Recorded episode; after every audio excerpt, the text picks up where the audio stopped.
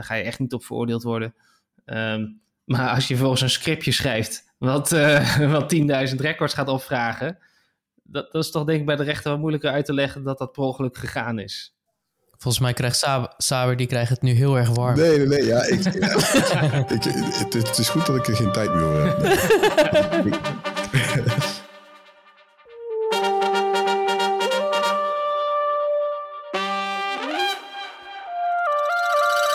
Welkom bij aflevering 5 van seizoen 2 van, Code, van de Codeclass podcast. Uh, vandaag zijn de hosts Kiesjen en ik. Hey. Hoi. Weer uh, bij elkaar. We wisselen iedere keer. Ik vind het eigenlijk wel leuk, trouwens. dat we iedere keer een andere samenstelling hebben. Want dat, is, uh, ja. Dat, dat, vind ik ook inderdaad leuk. Ik hoop dat, ik hoop dat de luisteraars dat ook leuk vinden. dat, is wel, dat het zou wel leuk zijn als we iets van, iets van feedback krijgen. Ja, ja. Ja, ik heb nog geen negatieve feedback erover gehad. Dat is misschien wel uh, positief. Ja, geen klachten uh, nog? Nee, nee, nee. nee. Okay. Dus, uh, maar goed, ja, nog steeds drukke tijden. Maar goed, dat heeft iedereen. Dat hoeven we eigenlijk niet meer te herhalen totdat we ooit weer ja, uit dit, deze gekke tijden komen. Maar ja, dat zal nog wel even, even duren. Heb je de persconferentie nog gezien net, of niet? Ik, ik heb de Apple uh, keynote uh, ja.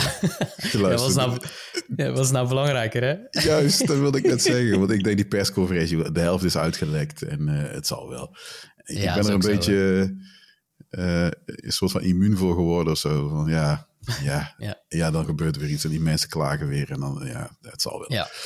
Dus uh, het blijft een beetje hetzelfde. Ah, goed. Uh, het goede nieuws, dat kan ik eigenlijk, dat is heel raar, want eigenlijk kan ik dat niet verklappen.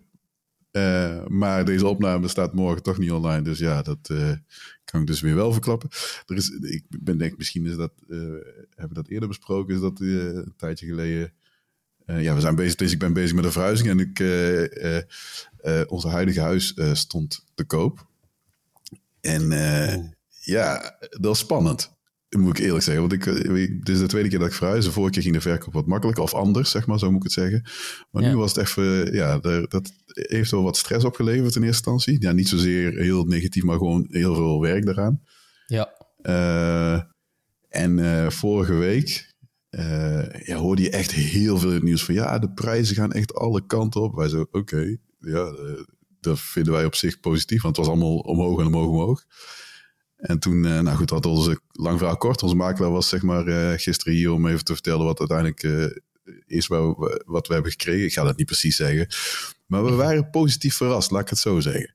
Wow. We waren okay, echt, mooi man. echt, ja, geschrokken. Of ja, nou ja, eigenlijk wel geschrokken. Want het was echt de eerste paar uur dat je dacht, oké, okay, dit kan niet of zo. Dus dat was wel een interessante, ja, een interessant iets om mee te maken. Ja, nou, dat, nou je bent dus je bent super blij nu? Ja, het is heel raar. Want ja, je wacht, je hebt, er zijn allemaal nog wat, wat voorbehouden, zeg maar. Uh, het ziet er allemaal wel heel goed uit, dus, is, dus daar maak ik me niet zo heel erg druk over. Maar uh, ja, het is echt heel onwerkelijk. Dat, dat, dat is wel, uh, wel iets. Ja. Nou, goed man. Goed, ja, goed. dat is iets op zich. Iets wat, wat, wat, in deze tijd, dat er iets echt positiefs dan weer gebeurt, dat, is, dat denk je, oké, okay, nou, dat, dat helpt wel, zeg maar. Laat ik het ja. zo, zo maar noemen. Dus, en, en, en je vertelde ook, of tenminste, ik las het op Twitter, dat je onlangs ook gevaccineerd was, toch? Ja, ja, ja, klopt. Heb je al bijverschijnselen, behalve dat je stem misschien een beetje anders klinkt? ik zeg ook tegen iedereen, ik kan nu tegenwoordig door buren heen kijken. Dat is heel raar. dus ik weet niet, misschien moeten we het daar straks over hebben. Onder het mom van uh, uh, privacy. Ja, maar uh, ja, nee, maar dat is echt, nee, dat, dat viel echt. Ik heb het moderne vaccin gehad. Uh, oh, ja. Ik heb de dag zelf was ik wat moeig, zeg maar. Uh, niet zo weer, ja, geen koorts of zo, geen hoofd, nou, een hele lichte hoofdpijn. En, en, ja, en mijn arm zelf, dus ik ja, wrijf, daar nu, wrijf daar nu overheen op bewijzen van, uh, oké, okay, zo kunnen ze het zien, maar dat is natuurlijk niet zo. Maar die was een beetje beurs, dus dat heeft ja. twee, drie dagen geduurd en, dat, en dat was het. En komende maandag, dus volgende week, dus vier weken later, krijg ik de tweede prik. Dus dat ja. Oké, okay. ja, ja, mooi man. Ja, dat is toch Good times. Ja, Good zeker, times. Zeker, zeker, zeker. Maar we hebben ook een gast. Uh, het is uh, Simon Ruhoff. Welkom, uh, Simon. Hoi. Hoi, hoi, hoi. Hoi. Simon is al 23 jaar gepassioneerd voor alles wat te maken heeft met internetbeveiliging en het ontwikkelen van veilige software. Simon is gespecialiseerd in hacking, IT-beveiligingsonderzoeken en het uitvoeren van geavanceerde penetratietesten. Sinds 2005 wordt hij als e-, ethisch hacker ingehuurd in het bedrijfsleven en voor overheidsorganisaties. In zijn werk hackt hij met toestemming, dat is belangrijk, computernetwerken en websites, zodat beveiligingslekken in kaart gebracht en opgelost kunnen worden. Nou, dat is uh, impressive, zeg maar.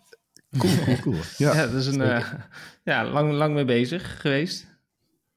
Ja, ik voel, ik, ik voel me ook een beetje ongemakkelijk. Want ik heb echt het gevoel dat we gewoon met een uh, bekende Nederlander aan tafel zitten. Hè? Want uh, je komt ook voor op, op de radio, had ik onlangs gezien. Op YouTube een filmpje van gezien. Je bent op tv bij NPO, SBS. Zoals programma's met Kassa en Meldpunt. Dus je bent wel lekker bezig volgens mij, zijn we. Ja, thanks. Ja, er komt steeds meer uh, aandacht voor uh, cybersecurity. En uh, dat was ja, 23 jaar geleden toen ik begon, was dat absoluut niet het geval. Kon je wel zeggen van, hé, hey, je systeem staat open, alle, kan zo bij alle data. ja, dan gingen de schouders omhoog en dan gingen we gewoon weer verder. Ja, wat kun je er nou mee, zeiden ze dan. Ja, dat is tegenwoordig wel, wel anders. Dus ik ben blij dat daar eindelijk wat meer bewustzijn voor kan komen. Ja, ja, ja, dat is waar, ja krijg je natuurlijk ook heel vaak van ja, ik heb niks te verbergen. Ja, als we het over privacy gaan hebben, dan eh, is dat wel de eerste wat mensen eruit gooien. Ja, ja grappig. Maar dat is wel waar. Ja, het is wel heel erg actueel. Ik ben er eigenlijk ook wel heel erg blij om. Dat die awareness uh, ja, een beetje aangewakkerd wordt. Ik vind nog tegenvallen. Ik bedoel, ik vind dat uh, Jan Model nog steeds te, te makkelijk over doet. Maar goed, daar, daar kunnen we het zo meteen, zo meteen misschien nog wel over hebben. Uh, ja, bekende Nederlander, dat vind ik al stoer, ja. Opkomend in ieder geval, ja, mij. Ja, het is gewoon een bekende. Je bent of niet bekend, dat zijn wij, of je bent bekend. Dus uiteindelijk, dat is gewoon, het is gewoon binair, een van de twee. Ja. Nou, ik word gelukkig nog niet op straat herkend hoor, maar mijn naam die, ja, die gaat nu wel inmiddels wel een beetje rond in de, in de scene. En, uh, ja. Ja, dat hoef ik niet op straat herkend te worden hoor, want dat, uh, dat kost je weer je privacy. Ja. Hè? En als je een keer uh, gekke dingen doet, dan uh, weet iedereen wie je bent. Dus, ja, dat is ja. ja. ja. Ja, dan kan je inderdaad, maar beter inderdaad ook, omdat je natuurlijk de kenner bent, uh, voorzichtig mee zijn. Maar uh, ja, het is wel tof. Uh, ja, want ik ken jou. ja, dat was ooit een keer bij een Rabobank project. Toen heb ik jou, jouw naam een keer horen vallen. En ik ben eigenlijk sindsdien ook al een beetje, ja, ook wel gefascineerd in, ja, hè, hoe security, zeg maar, onderwerp in softwareland hè, steeds belangrijker wordt. En uh, zodoende zag ik je ook een paar keren op LinkedIn en ook op YouTube natuurlijk. En toen dacht ik, hey, dat is een interessante gast. Dus uh, ik ben ook heel blij dat je ons uh, ja, wilde bijwonen vandaag. Dus, ja, dank voor de uitnodiging. Heel leuk om hier te mogen zijn. Ja. Zeker. Cool. Ja, ja, ja. We hadden het ervoor eventjes over van, voor de opname van, hey, je hebt toch wel geprogrammeerd? Ja, dat is misschien wel een heel stomme vraag natuurlijk. Maar uh, wat, zijn jouw uh, eerste programmeerervaringen? Hoe, hoe ben je eigenlijk begonnen met programmeren? Ja, ik was uh, vroeger heel veel aan het, aan het gamen, zoals elke, elke puber. En ja, op een gegeven moment dan wil je... Ik speelde Quake 1 en dan wil je met je medespelers wil je een soort clan oprichten. En dan heb je natuurlijk een website nodig... Nou, dan ga je een beetje je verdiepen in HTML. En dan uh, ja, wou je er kijken hoeveel bezoekers je hebt. Dus dan heb je een, een eh, zo'n bezoekersstelletje wat je dan kopieert ergens. Zit daar reclame bij. Nou, die wil die reclame eraf van je mooie site. en dan ga je steeds verder erin verdiepen. Ik begon ja, zo'n beetje om mijn twaalfde, dertiende met programmeren. En ja, dat is een beetje uit de hand gelopen toen. Ik ging daar elke avonds in de weekenden s'nachts uh, was ik gewoon lekker, eh, lekker bezig. En uh, ja, toen in, in de taal PHP eigenlijk voornamelijk. PHP en een beetje JavaScript. En ja, dat vond ik super leuk om, om te doen. En dat doe ik af en toe ook nog steeds. Oké, dus nog steeds gewoon aan het programmeren en ook echt bouwen aan, aan websites? Of wat, waar, waar, ben wat is je doel, zeg maar? Om, Ja, vroeger echt heel veel websites gebouwd, meer dan 100. Uh, en ja, inmiddels uh, doe ik meer uh, tooltjes, PHP-tooltjes die ik bouw. het is ook wel in, in mijn werk als, als hacker. Wil je af en toe veel data verwerken, wil je overzichtjes draaien, tabelletjes aan elkaar linken, kleine scriptjes schrijven. En dan is dat een ja, prima, prima gereedschapskist, zeg maar, om voor elkaar te krijgen wat je, wat je wil. Dus echt echte websites bouwen, dat, dat hoeft, mij, hoeft mij niet meer. Maar gewoon, ja, toeltjes is wel echt nog wel tof om te doen. Oké. Ja. En ook andere talen bekeken of niet? Ja, ja, ook wel eens wat in Java, in Delphi gedaan. natuurlijk veel JavaScript. C-Sharp ook wel eens wat. Ehm, maar dat trok me allemaal wel wat minder dan gewoon PHP, wat ik echt wel uh, 90, 95% van mijn ervaring wel, wel inligt hoor. Inlicht. Nou, het is gewoon zo makkelijk om uh, en zo laagdrempelig om ermee te beginnen. En het is meteen, uh, ja, het is, het is rond de server gebaseerd. Dus je kan meteen op allerlei devices ook je resultaten bekijken. Um, ja, en het is als je in één taal helemaal gespecialiseerd bent, kan het gewoon blind schrijven dan is dat ja, erg prettig. En als je heel veel talen probeert handig in te zijn, zeg maar, dan vergeet je overal weer een beetje hoe die functies heten, hoe die klassen heten, wat weer de specifieke quirks zijn. dus ik dacht van, nou, ik ga me gewoon specialiseren in één, één taal. In, eigenlijk het web. En dat nou, ben ik wel een beetje stoïcijns in gebleven. Maar daardoor kan ik er nu nog vloeiend programmeren. En dat is wel handig, want je hebt niet Zeker eh, alles wat ik nu rondom cybersecurity doe, niet de tijd om ja, heel veel talen te gaan onderhouden of zo, of die ontwikkeling allemaal te blijven volgen. Ja, ja want ik kan me best voorstellen, ook als security specialist, hè, want uh, ja, er kan natuurlijk van alles met, met code gebeuren. Um, dat je daar misschien ook wel een beetje een uh, ja, knobbel voor moet hebben, maar dat hoeft dus niet per se. Ja, nou ja, kijk, de, de, de, de, meeste hackers die wel echt uitblinken, die blijken wel een, die hebben wel een programmeren achtergrond. Daarmee kun je ook wel echt, echt wel goed begrijpen hoe, hoe software werkt, hoe, hoe je exploits ook moet schrijven. Dus hoe je stukjes software bouwt wat weer misbruik maakt van bepaalde beveiligingslekken.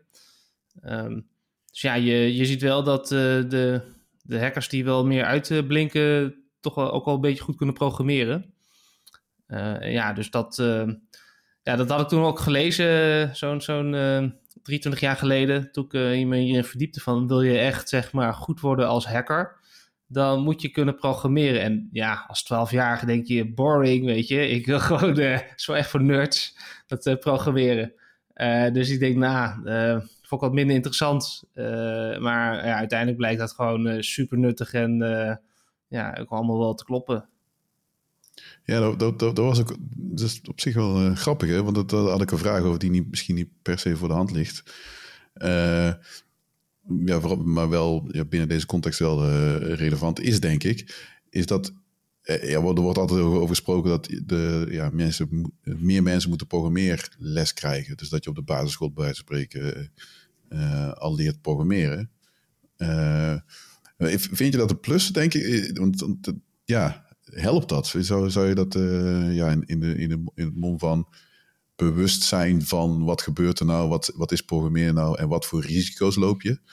Is het dan, zou het dan misschien handig zijn dat iedereen zeg maar, dat in zijn rugzak heeft? Je hoeft dan niet meteen als, als, eh, weet je, eh, af te studeren als uh, programmeur of zo, maar dat je in ieder geval weet van oké, daar moet je, daar kun je aan denken, zeg maar. Ja. Ja, je kan natuurlijk dan, dan eventueel programmeren wat wel wat nuttig kan zijn. Hè? Maar waar ik denk ik nu ook aan nog veel nuttiger is, is van hoe ga je met internet om?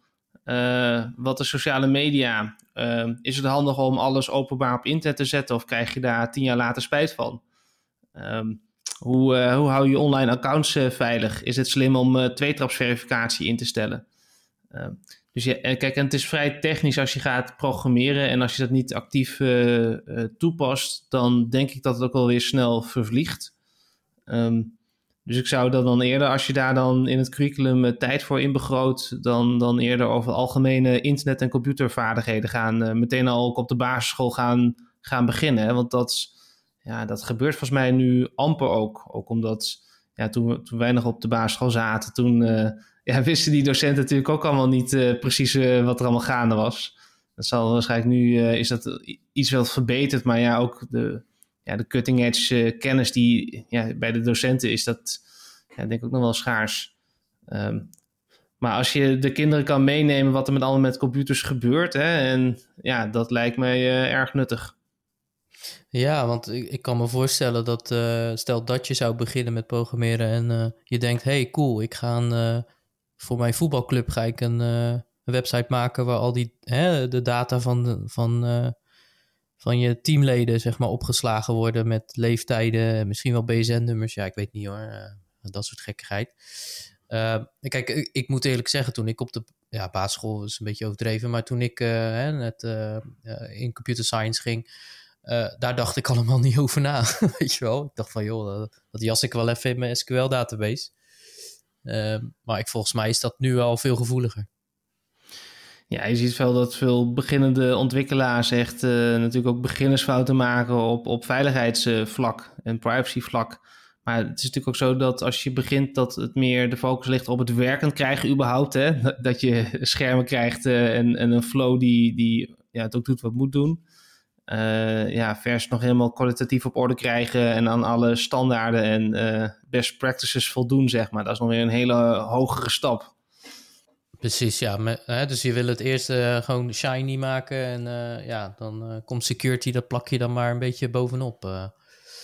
Ja, dat is, dat is ook wat, ja, wat ik dan ook veel in het, in het bedrijfsleven zie en bij overheidsorganisaties, is dat het, de focus echt ligt op puur functionaliteit bouwen.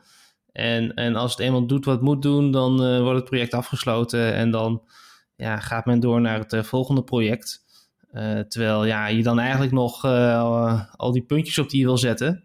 Even wat goede controles, de kwaliteit op het juiste niveau krijgen. Maar ja, dat is dan niet heel zichtbaar vaak. en dan ja, wordt het pas zichtbaar als er problemen optreden. Ja, ja, het, is wel. kijk, er is een tijd geweest, en dat is volgens mij nu echt wel verbeterd de laatste, weet ik veel, pakken bij tien jaar of zo. Dat het echt. Dat er heel veel bedrijven, niet allemaal gelukkig toen ook al, maar die zeggen van ja, nou, die security, zeg maar, dat is echt een technisch, technische aangelegenheid. Uh, dus als er dan bijvoorbeeld een breach was, sterker nog, bij mijn uh, eerste baan hadden we ooit volgens mij een bedrijf, toen werd onze uh, site met een database waar, weet ik veel, een miljoen e-mailadressen in stonden. Die werd gehackt en toen nou, werden wij natuurlijk aangeklaagd van je hebt dat laten liggen, zeg maar. Of tenminste, dat, dat is jullie schuld, zeg maar, dat dat gebeurd is. Maar er is nooit, zeg maar, gespecificeerd. Er is nooit een eis geweest van, oké, zo en zo moet je dat beveiligen. We willen die gegevens, dat die op een veilige manier opgesluit. Dat, dat werd meer gezegd van, oké, zorg dat dit werkt. En uh, de schermpjes werken, het wordt opgeslagen en de rest uh, is gewoon uh, jullie feest. Dus dat was, het werd gewoon gezien als een, een, een ja, vanzelfsprekendheid, zeg maar, dat die gegevens op de juiste manier opgeslagen werden, dat ze veilig opgeslagen werden, dat mensen daar niet zomaar bij kunnen. En gelukkig is er volgens mij in mijn ogen meer een bewustwording ontstaan, waarbij ja, ik noem het al de business, zeg maar, opdrachtgevers zeggen van oké, hey, zorg dat deze gegevens van met een misschien een bepaalde categorie, dat die op een bepaalde manier opgeslagen worden. En dat daar dan een technische oplossing voor gemaakt moet worden. Uh, dus dat iedereen, dus de techneuten en de opdrachtgevers, de business of de, de mensen die de software willen hebben, dat die bewust weten van oké, dit doen wij op die manier. Dus dat het niet een verrassing is als er dan een breach is, dat, uh, dat het gebeurt, zeg maar. Uh, en dat iedereen naar elkaar gaat wijzen. Dus dat, dat is wel iets wat volgens mij wel verbeterd is. Uh, ja, ja dat, zie ik ook hoor. Tien jaar geleden had je uh, Anonymous, wat veel nieuws was.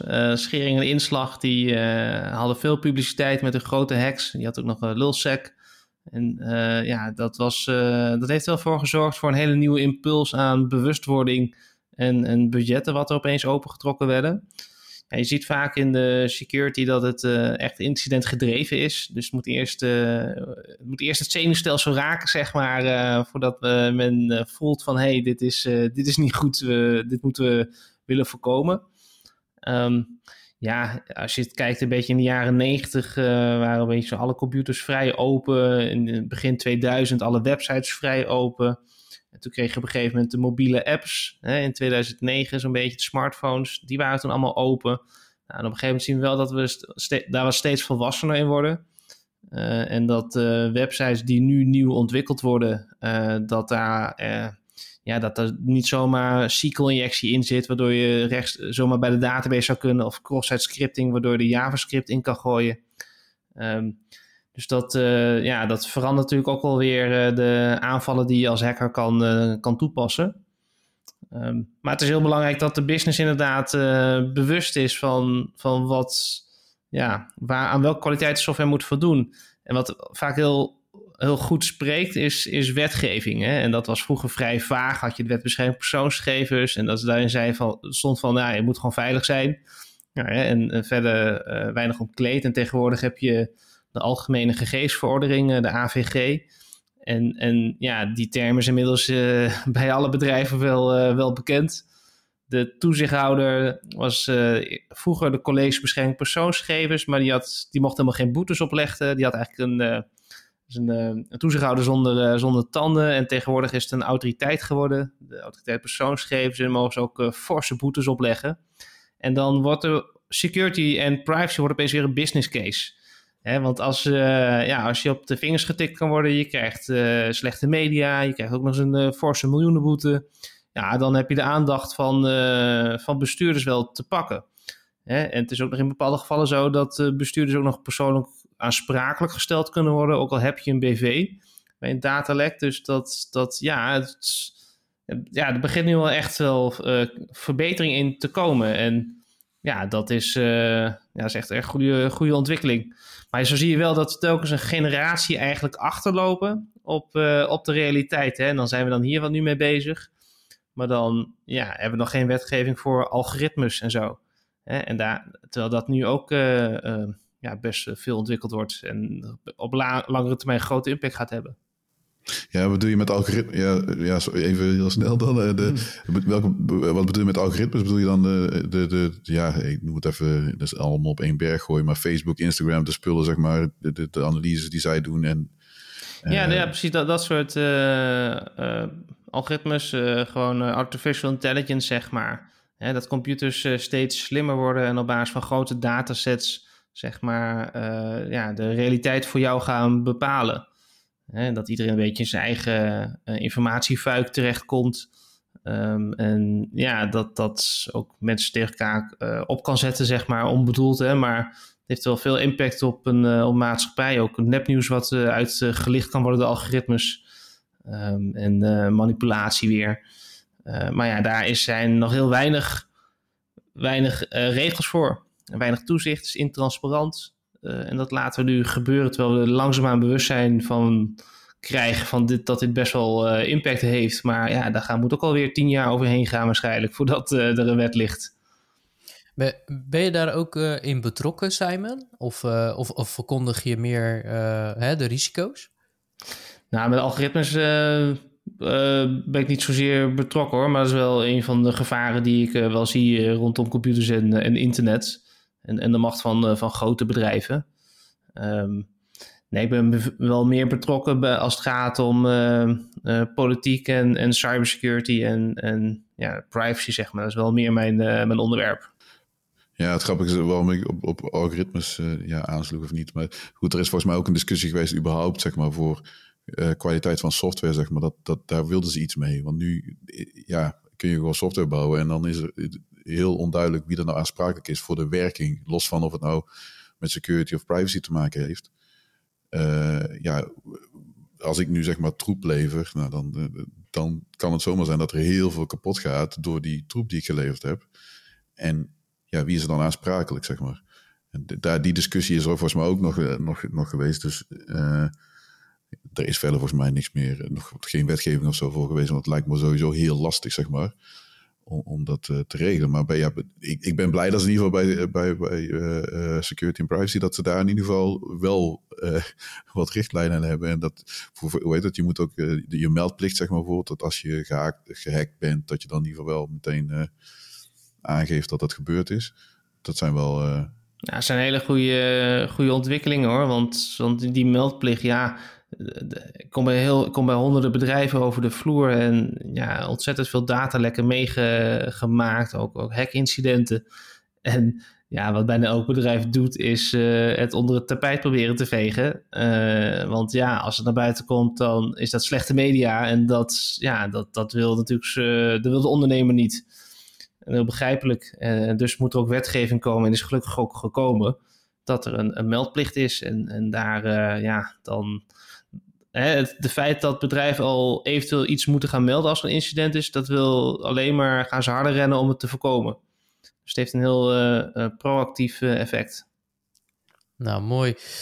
Ja, want, want iets wat ik ook ja, zelf ook bij betrokken ben geweest in mijn, ja, vooral bij mijn vorige werkgever, was ethical hacking. Um, en je gaf het ook al aan in je, hè, in je bio, of tenminste de bio die we net hebben voorgelezen, um, dat je met ethical hacker, hacking bezig bent. zou je voor onze luisteraars kunnen uitleggen ja, wat dat betekent volgens jou? Ja, ik noem mezelf dan uh, ethisch hacker. En ja, dat is eigenlijk een beetje raar natuurlijk om het woordje ethisch voor je, voor je beroep te zetten. Je bent ook niet ethisch advocaat. Maar het ja, de woord hacker heeft vaak een negatieve toon en idee bij. Maar je hebt in, in de hele wereld heb je heel veel goede hackers, zeg maar. Mensen die geen kwaad willen doen, die gewoon mensen en bedrijven verder willen helpen. En ja, nou, zo van dat type ben ik zelf ook, noem me zo kunt ook wel whitehead hacker noemen, zeg maar. Dus ik, uh, ik hou me aan de, aan de wetgeving en uh, aan mijn uh, eigen ethisch kompas van wat ik denk dat goed is. en ja, zo wil ik met mijn kennis wil ik anderen verder helpen, zodat zij veel minder te maken krijgen met de slechte kanten van het internet, zoals hackincidenten, datalekken. Want ja, als ik zie wat en ik ja, ben dus gespecialiseerd in hacking. Hoe makkelijk het soms is om bij bedrijven in te breken. Ja, dan schrik ik daar gigantisch van. En ja, weet je, twintig jaar geleden was het nog leuk om iemand CD-ROM-laden open en dicht te doen. En met de webcam mee te kijken hoe iemand verschrikt achter zijn computer zat. Ehm, en uh, ja, tegenwoordig kun je, kun je sluizen openzetten. Je kan uh, de elektriciteit uitzetten. Uh, je kan bankrekeningen leeghalen. Je kan, kan iemand helemaal zwart maken op internet. Weet je, de gevolgen van slecht beveiligde ICT zijn ontzettend vergroot tegenwoordig. Nou, en als je ook ziet dat daar, gelukkig is een kleine groep mensen op internet die daar misbruik van willen maken. Um, maar ja, je hebt ook steeds meer inlichtingendiensten. De opkomst van um, uh, cyberwarfare, hè, oorlogsvoering via internet, um, spionage via internet. Ehm, ja, en ook heel veel criminaliteit wat van de analoge wereld verplaatst naar de digitale wereld. iedereen zit steeds meer achter de computer. Dus dat levert heel veel schade op. Uh, en ja, dat is gewoon, vind ik heel erg dat uh, bedrijven daar en burgers door gedupeerd raken, omdat ze ja, misschien niet helemaal bewust zijn van de, de beveiligingslekken die ze hebben, de kwetsbaarheid uh, en ja, daar uh, help ik ze dan verder mee door op verzoek, zeg maar, met toestemming in te breken bij ze. En dan ga ik op zoek naar ja, alle zwakke plekken die er zijn. Hè, dus dat kan zijn in kaart brengen van alle domeinnamen die iemand bezit, alle subdomeinen, de IP-adressen achterhalen. dus eigenlijk het aanvalsoppervlak van, van mijn target, zeg maar, helemaal uitpluizen. En dan ga ik op zoek naar bijvoorbeeld vergeten testsystemen, um, niet meer onderhouden, niet meer beheerde servers, ja, waar dan veel beveiligingsupdates op ontbreken. Nou, dat kan vaak een stepping stone zijn dan om nou, dieper het netwerk in te komen. Um, wat wachtwoorden van beheerders te achterhalen die dan in de database uh, met verouderde hashing staat opgeslagen. Nou, daar, dat kun je dan, die achterhaalde wachtwoorden kun je uit, uittesten op andere inlogschermen. En zo kom je steeds dieper, zeg maar, uh, uh, je target binnen. En ja, dat is voor mij gewoon een, uh, enorme puzzel en uitdaging. Want ik vraag altijd begin, als ik aan zo'n exercitie begin van... Hoe denken jullie zelf dat ervoor staat? is het veilig? Oh ja, dan zie je die beheerders. Ja, ja, ik heb geen idee hoe ik zelf kan inbreken. Dus ja, dat is wel veilig. Ja, ik heb er alles aan gedaan. Het is een vrij typische reactie. En ja, uh, en sommigen zijn wat meer bewust van, ja, god, het is allemaal snel uh, online gezet en we hebben geen tijd, dus je zal vast wel wat vinden. en um, ja, dan uh, is het ook wel leuk om soms de mensen met je bevindingen te verbazen. Van kijk eens wat ik gevonden heb. Dus het is een soort sport wel als ethisch hacker. uitdagend en je, nou, je kan er heel veel waarde bij toevoegen.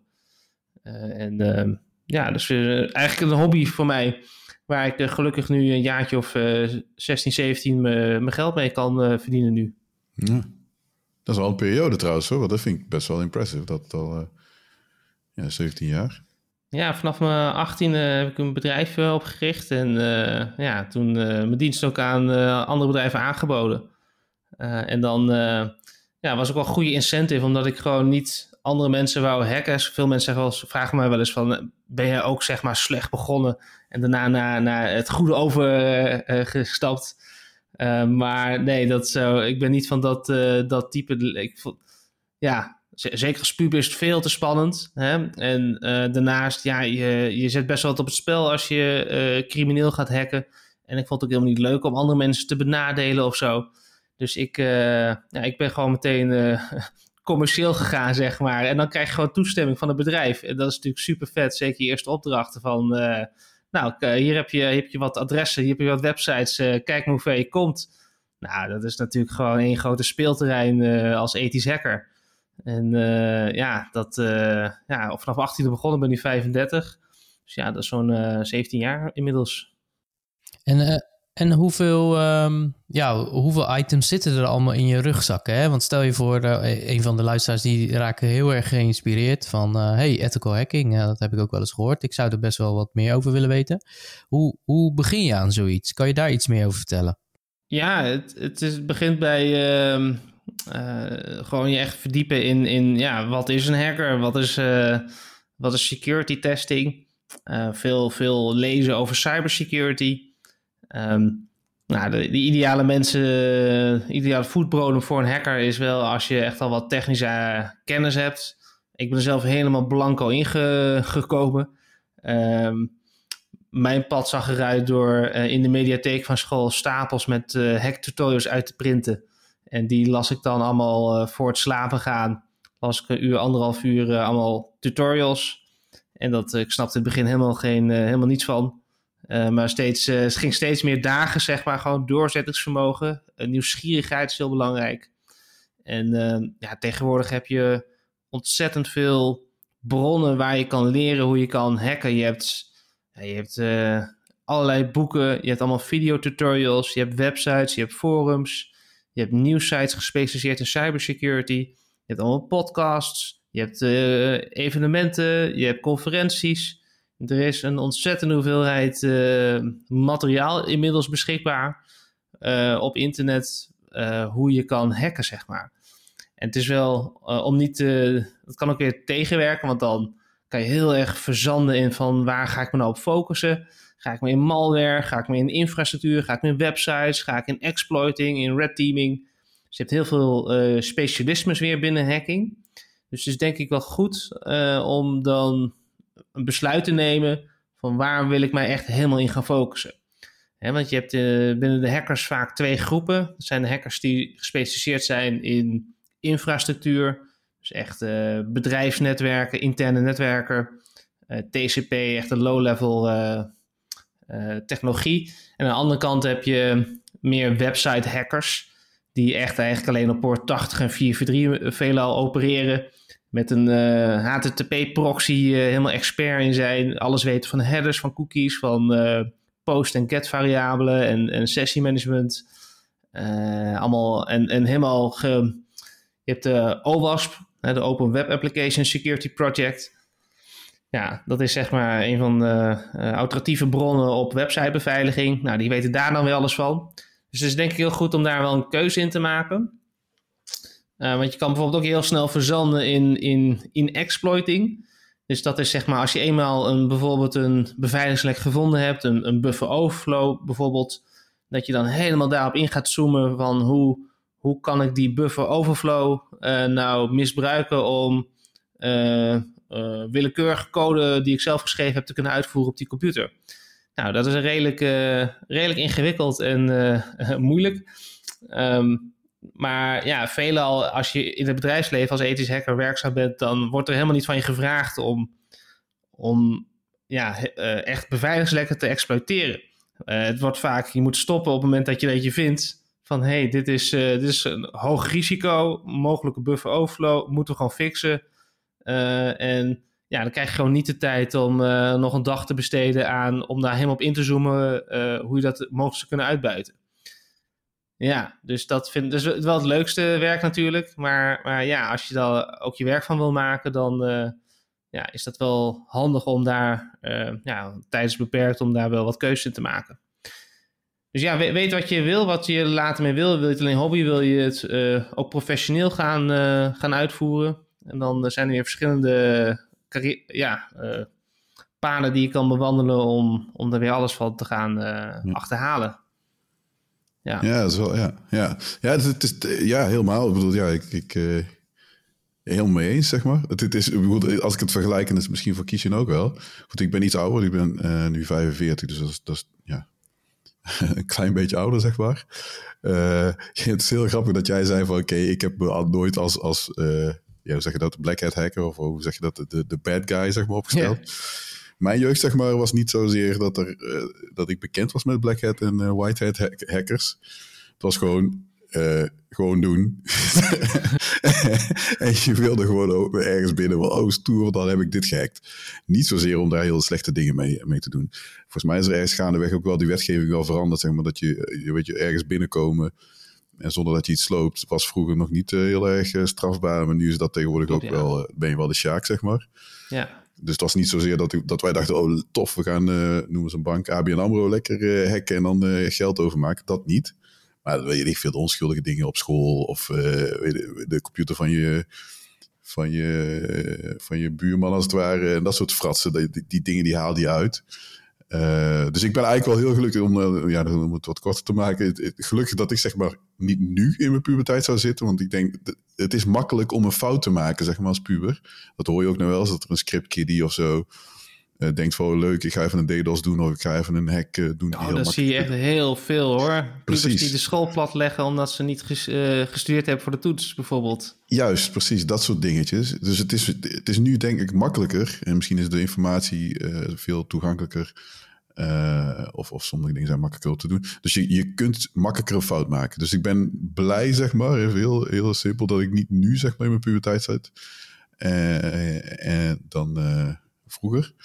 En vroeger, kijk, vroeger hadden we altijd, weet je, dan had je, hoe heet die, uh, uh, Mitnick. Uh, er waren een aantal mythische hackers, zeg maar. Degene die met dat uh, lolly-fluitje, ik weet niet of die, die, die ja, hack ja, kent. Die dus met, ook, Precies, ja. de hack deed, dat was voor ons, wow, toffe gast. En dan had je al die, ja, die, die, allemaal boeken en zo, die moesten kennen om een bepaalde hacks te kunnen doen. En dat was allemaal, en het was wat eenvoudiger, zeg maar, denk ik. Nu heb je wat meer gecompliceerde hack, zeg maar. Dus dat je niet alleen maar zegt, oké, ik hack uh, die server, maar je hackt die server en je zorgt dat je daar iets hebt geïnstalleerd. En dat, en dat allemaal bij elkaar zorg je dat je een bedrijf plat legt. Dat is echt wel... Uh, kost wat meer effort, zeg maar. Je kunt niet meer zeggen van ik heb per ongeluk dat bedrijf gehackt. Want dat, dat, ja, dat, zit echt wat meer, uh, meer effort in. Maar ja, ja wat, wat, je zegt, eens. Je, kunt, je, je moet echt wel een pad kiezen. Dat, dat, dat, ja, dat kan niet anders. Je, ziet ook dat uh, op de lagere school, middelbare school, dat er iedereen elkaar een beetje los vast aan het hacken is. Uh, meekijken op, op uh, hoe, hoe iemand een wachtwoord invult en dan elkaar sociale media overnemen. En ja, dat, dat, ja dat, dat, is echt veel meer dan toen wij nog op school zaten. zij groeiden echt allemaal mee op. En ja, die, die, dat ethische kompas is natuurlijk nog niet helemaal goed uitontwikkeld. Dus uh, ze hebben, zijn ook niet helemaal besef van wat, wat voor impact hun, hun acties allemaal hebben. Uh, uh, ja, dus je ziet wel dat daar best wel wat ook wel met justitie in aanraking komen. Wat ook wel echt wel zonde is, omdat het, ja, meestal zit er niet een hele erg kwade intentie achter. en is ook wel nieuwsgierigheid of gewoon een beetje plaag of misschien een beetje pesten ook. Maar dat, dat wil niet zeggen dat je daar de rest van je leven een strafblad en zo je leven door moet komen. Dus zijn ook wel initiatieven uit, vanuit de hackers zien uh, om, om dat soort ja, probleemjongeren, zeg maar, die een keertje de fout zijn gegaan, om die onder, onder de hoede te nemen. En ze dan met ervaren hackers in aanraking te komen van, om ze een beetje te coachen van, nou, je kan ook goede dingen met je kennis en je aanleg doen. Uh, en dan uh, ja, zie je dat dat wel, wel werkt om ze meer op het rechte pad te, krijgen weer. Ja, en, en als je, en als je ook kijkt hè, uh, naar, ja, stel je voor dat er een, uh, een groep developers is die uh, een feature aan het bouwen is. Um, en, en, je, en je zou ze wat tips willen geven rondom cybersecurity. Wat, wat zou dat zijn? Ja, de meeste software gaat nu via, via websites en webapplicaties. Nou, dan is wel echt een van de bronnen waar echt heel veel informatie op beschikbaar is, wat ik al noemde, is OWASP. Uh, OWASP.org. Daar kun je echt heel veel leren over websitebeveiliging. En het is, denk ik, ontzettend handig om zelf ook wat trucjes te hebben. dat je zelf ook een beetje je eigen website kan, kan testen. En daar heb je een uh, zogenaamde aanvalsproxy voor nodig. Dus dat is een HTTP-proxy tussen, die tussen je browser en, en de webserver in zit. Zodat je op je eigen laptop zeg maar precies kan meekijken wat voor data je, je browser allemaal uh, genereert. En met zo'n aanvalsproxy kan je precies zien welke variabelen er allemaal bestaan. En die kan je dan met open source tooling zoals bijvoorbeeld ZAP, ZAP kan je dan zeg maar dat ook uh, fuzzen. Dus uh, al die variabelen kijken, zijn naar injectiemogelijkheden op cross-site scripting, local file inclusion, SQL injection, XML injection, nou, noem maar op. en ja, als je een paar van die trucjes al weet, dan, ja, dan kan je al een hoop laaghangend fruit, zeg maar, makkelijk detecteren zelf. Hè? En veel, dan heb je ook een soort van tool, toeltje in handen waarmee je um, ja, zelf ook. Want als je alleen maar aan het programmeren bent en je bekijkt de inspector in je browser en je ziet wel wat dingen heen en weer gaan, maar het is ook gewoon handig om uh, met een soort aanvalsproxy te kunnen werken. En dat hoeft helemaal niet ingewikkeld te zijn, maar dan zie je gewoon wat er allemaal over de lijn gaat. En ja, die genereert ook passief, terwijl die gewoon de dataverkeer langs ziet komen, ook allerlei bevindingen. Nou, dan kun je meteen zien van, hé, hey, ik eh, mis bepaalde security headers. Hè? Die moet je gewoon expliciet zetten tegenwoordig. Er zijn, uh, ja, standaard uh, geeft een webserver geen security headers mee. Maar je hebt er een stuk of tien tegenwoordig. Hè? En die allemaal weer een eigen, eigen stukje eh, extra veiligheid uh, toevoegen. Zijn heel simpel om te zetten ook. Um, ja, maar dus je moet er een klein beetje wat meer in verdiepen. Uh, en uh, ja, dus er zijn ook al wat van die cursussen die je daarvoor zou kunnen doen.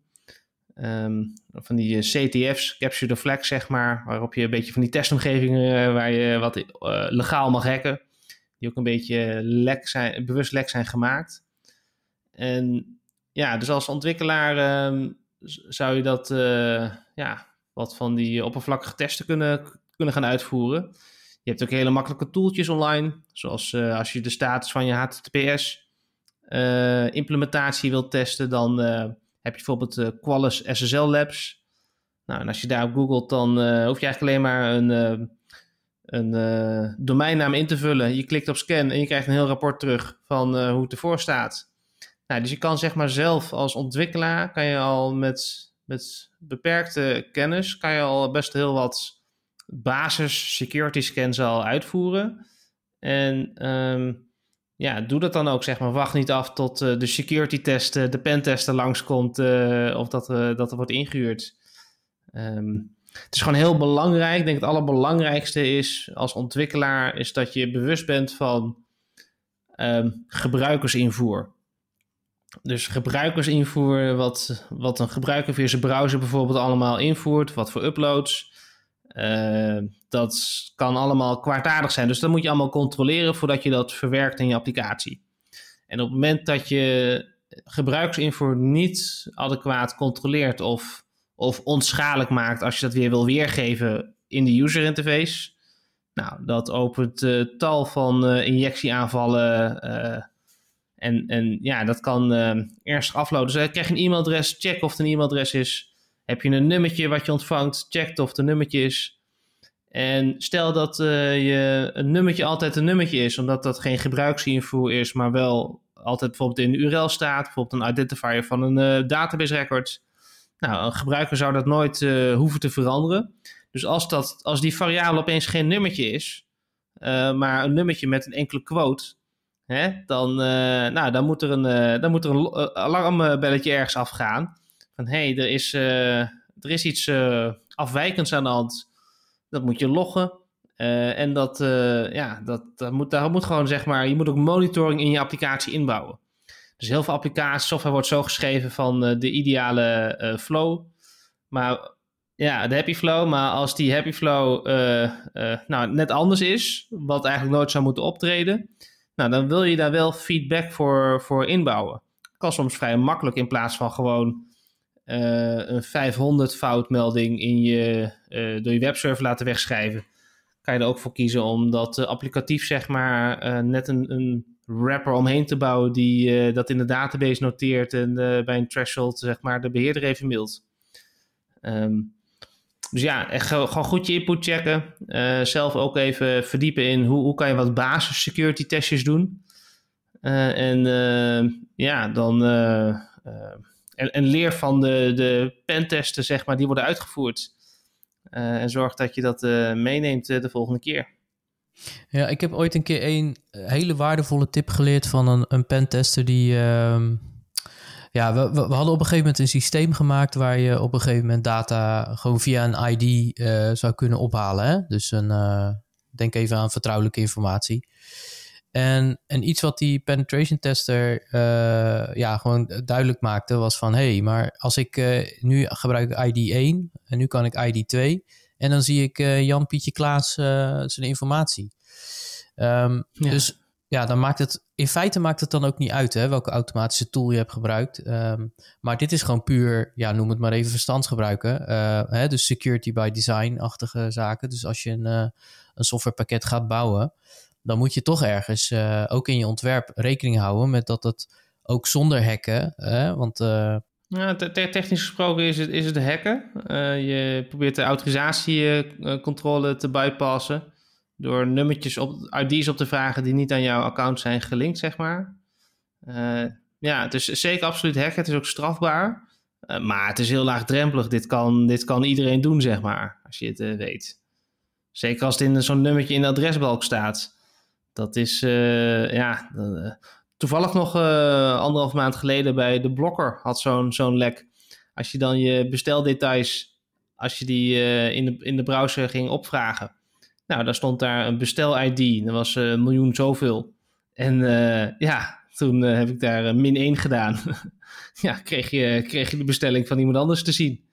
En ja, zo stonden naar schatting 700.000 bestellingen um, kon je zo inzien. Sinds een half jaar. Dus, dus ja, dat is heel laagdrempelig. Maar ja, je moet er echt een beetje denken van... Um,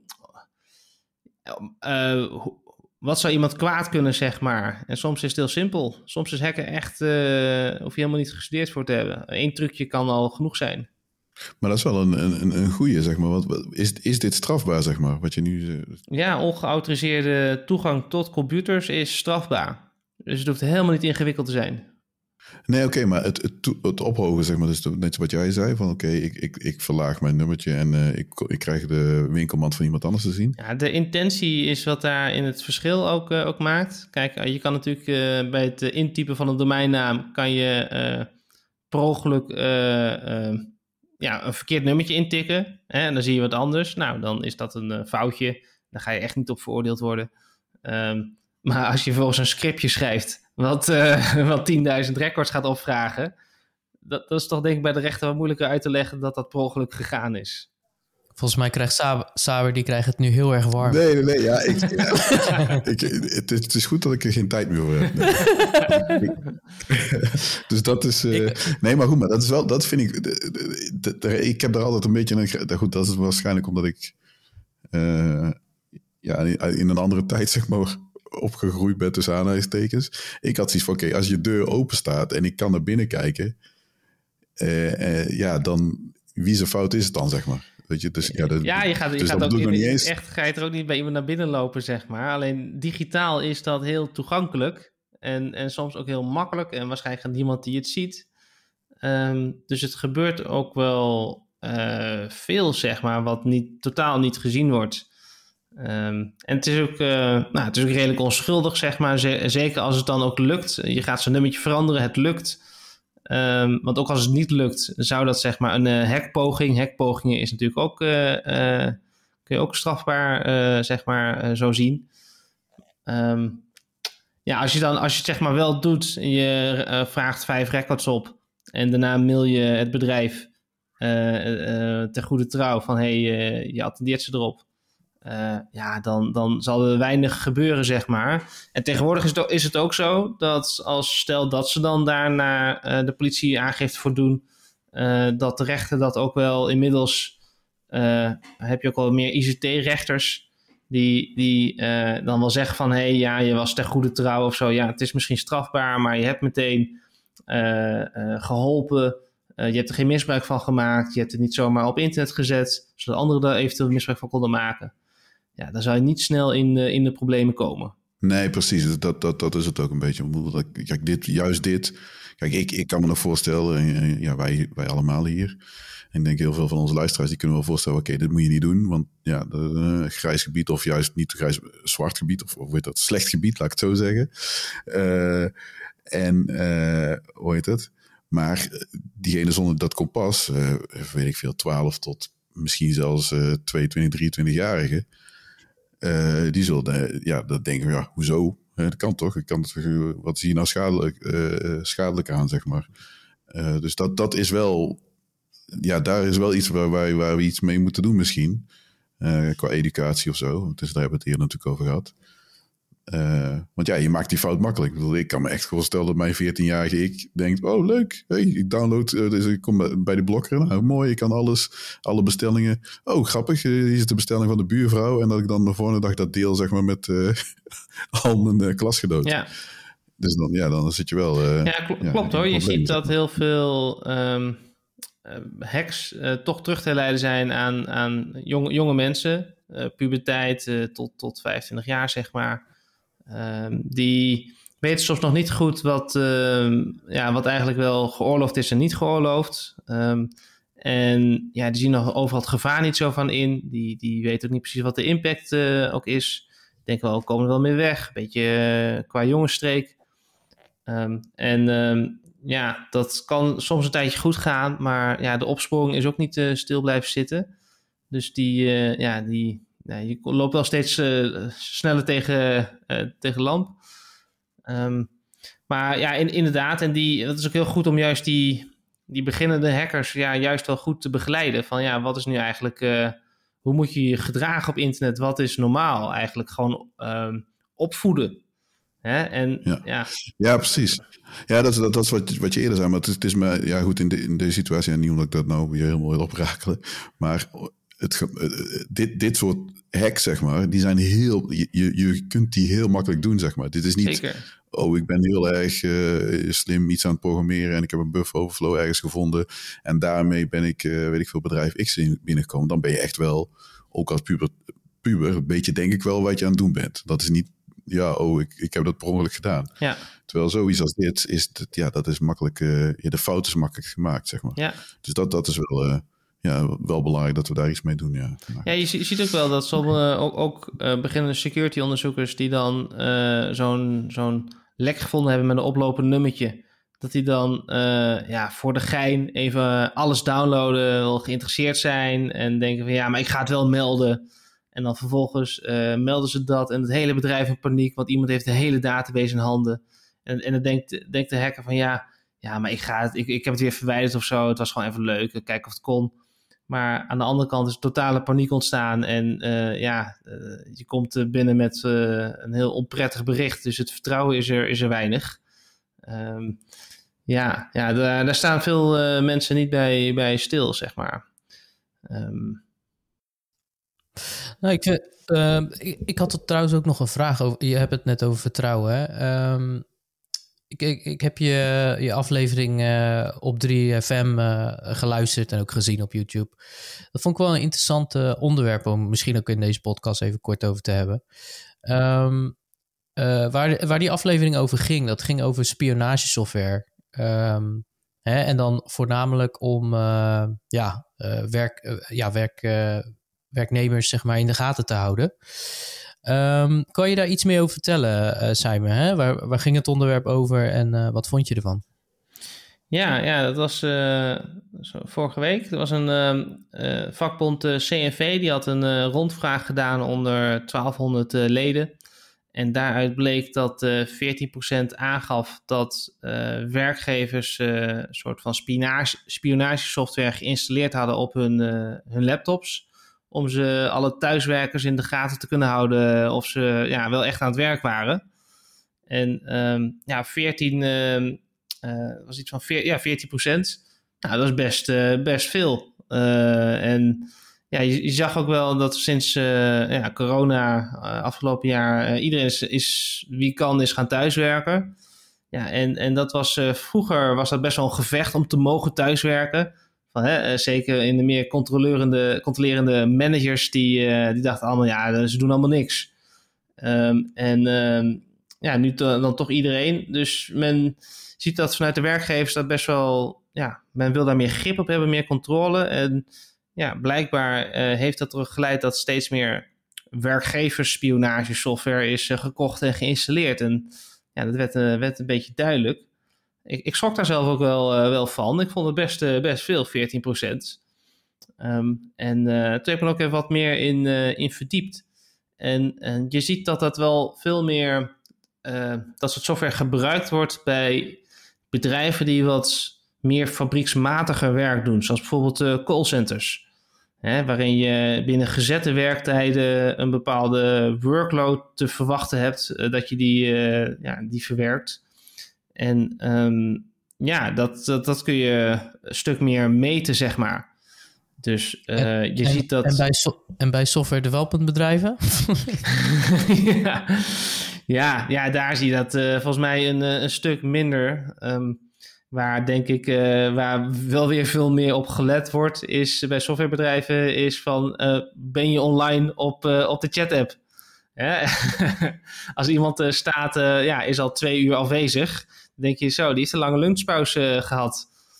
Um, ja, en um, ja, kijk, zeker bij de creatievere beroepen, uh, is het werk gewoon een stuk minder meetbaar. Want je kan ook gewoon een telefonisch overleg hebben.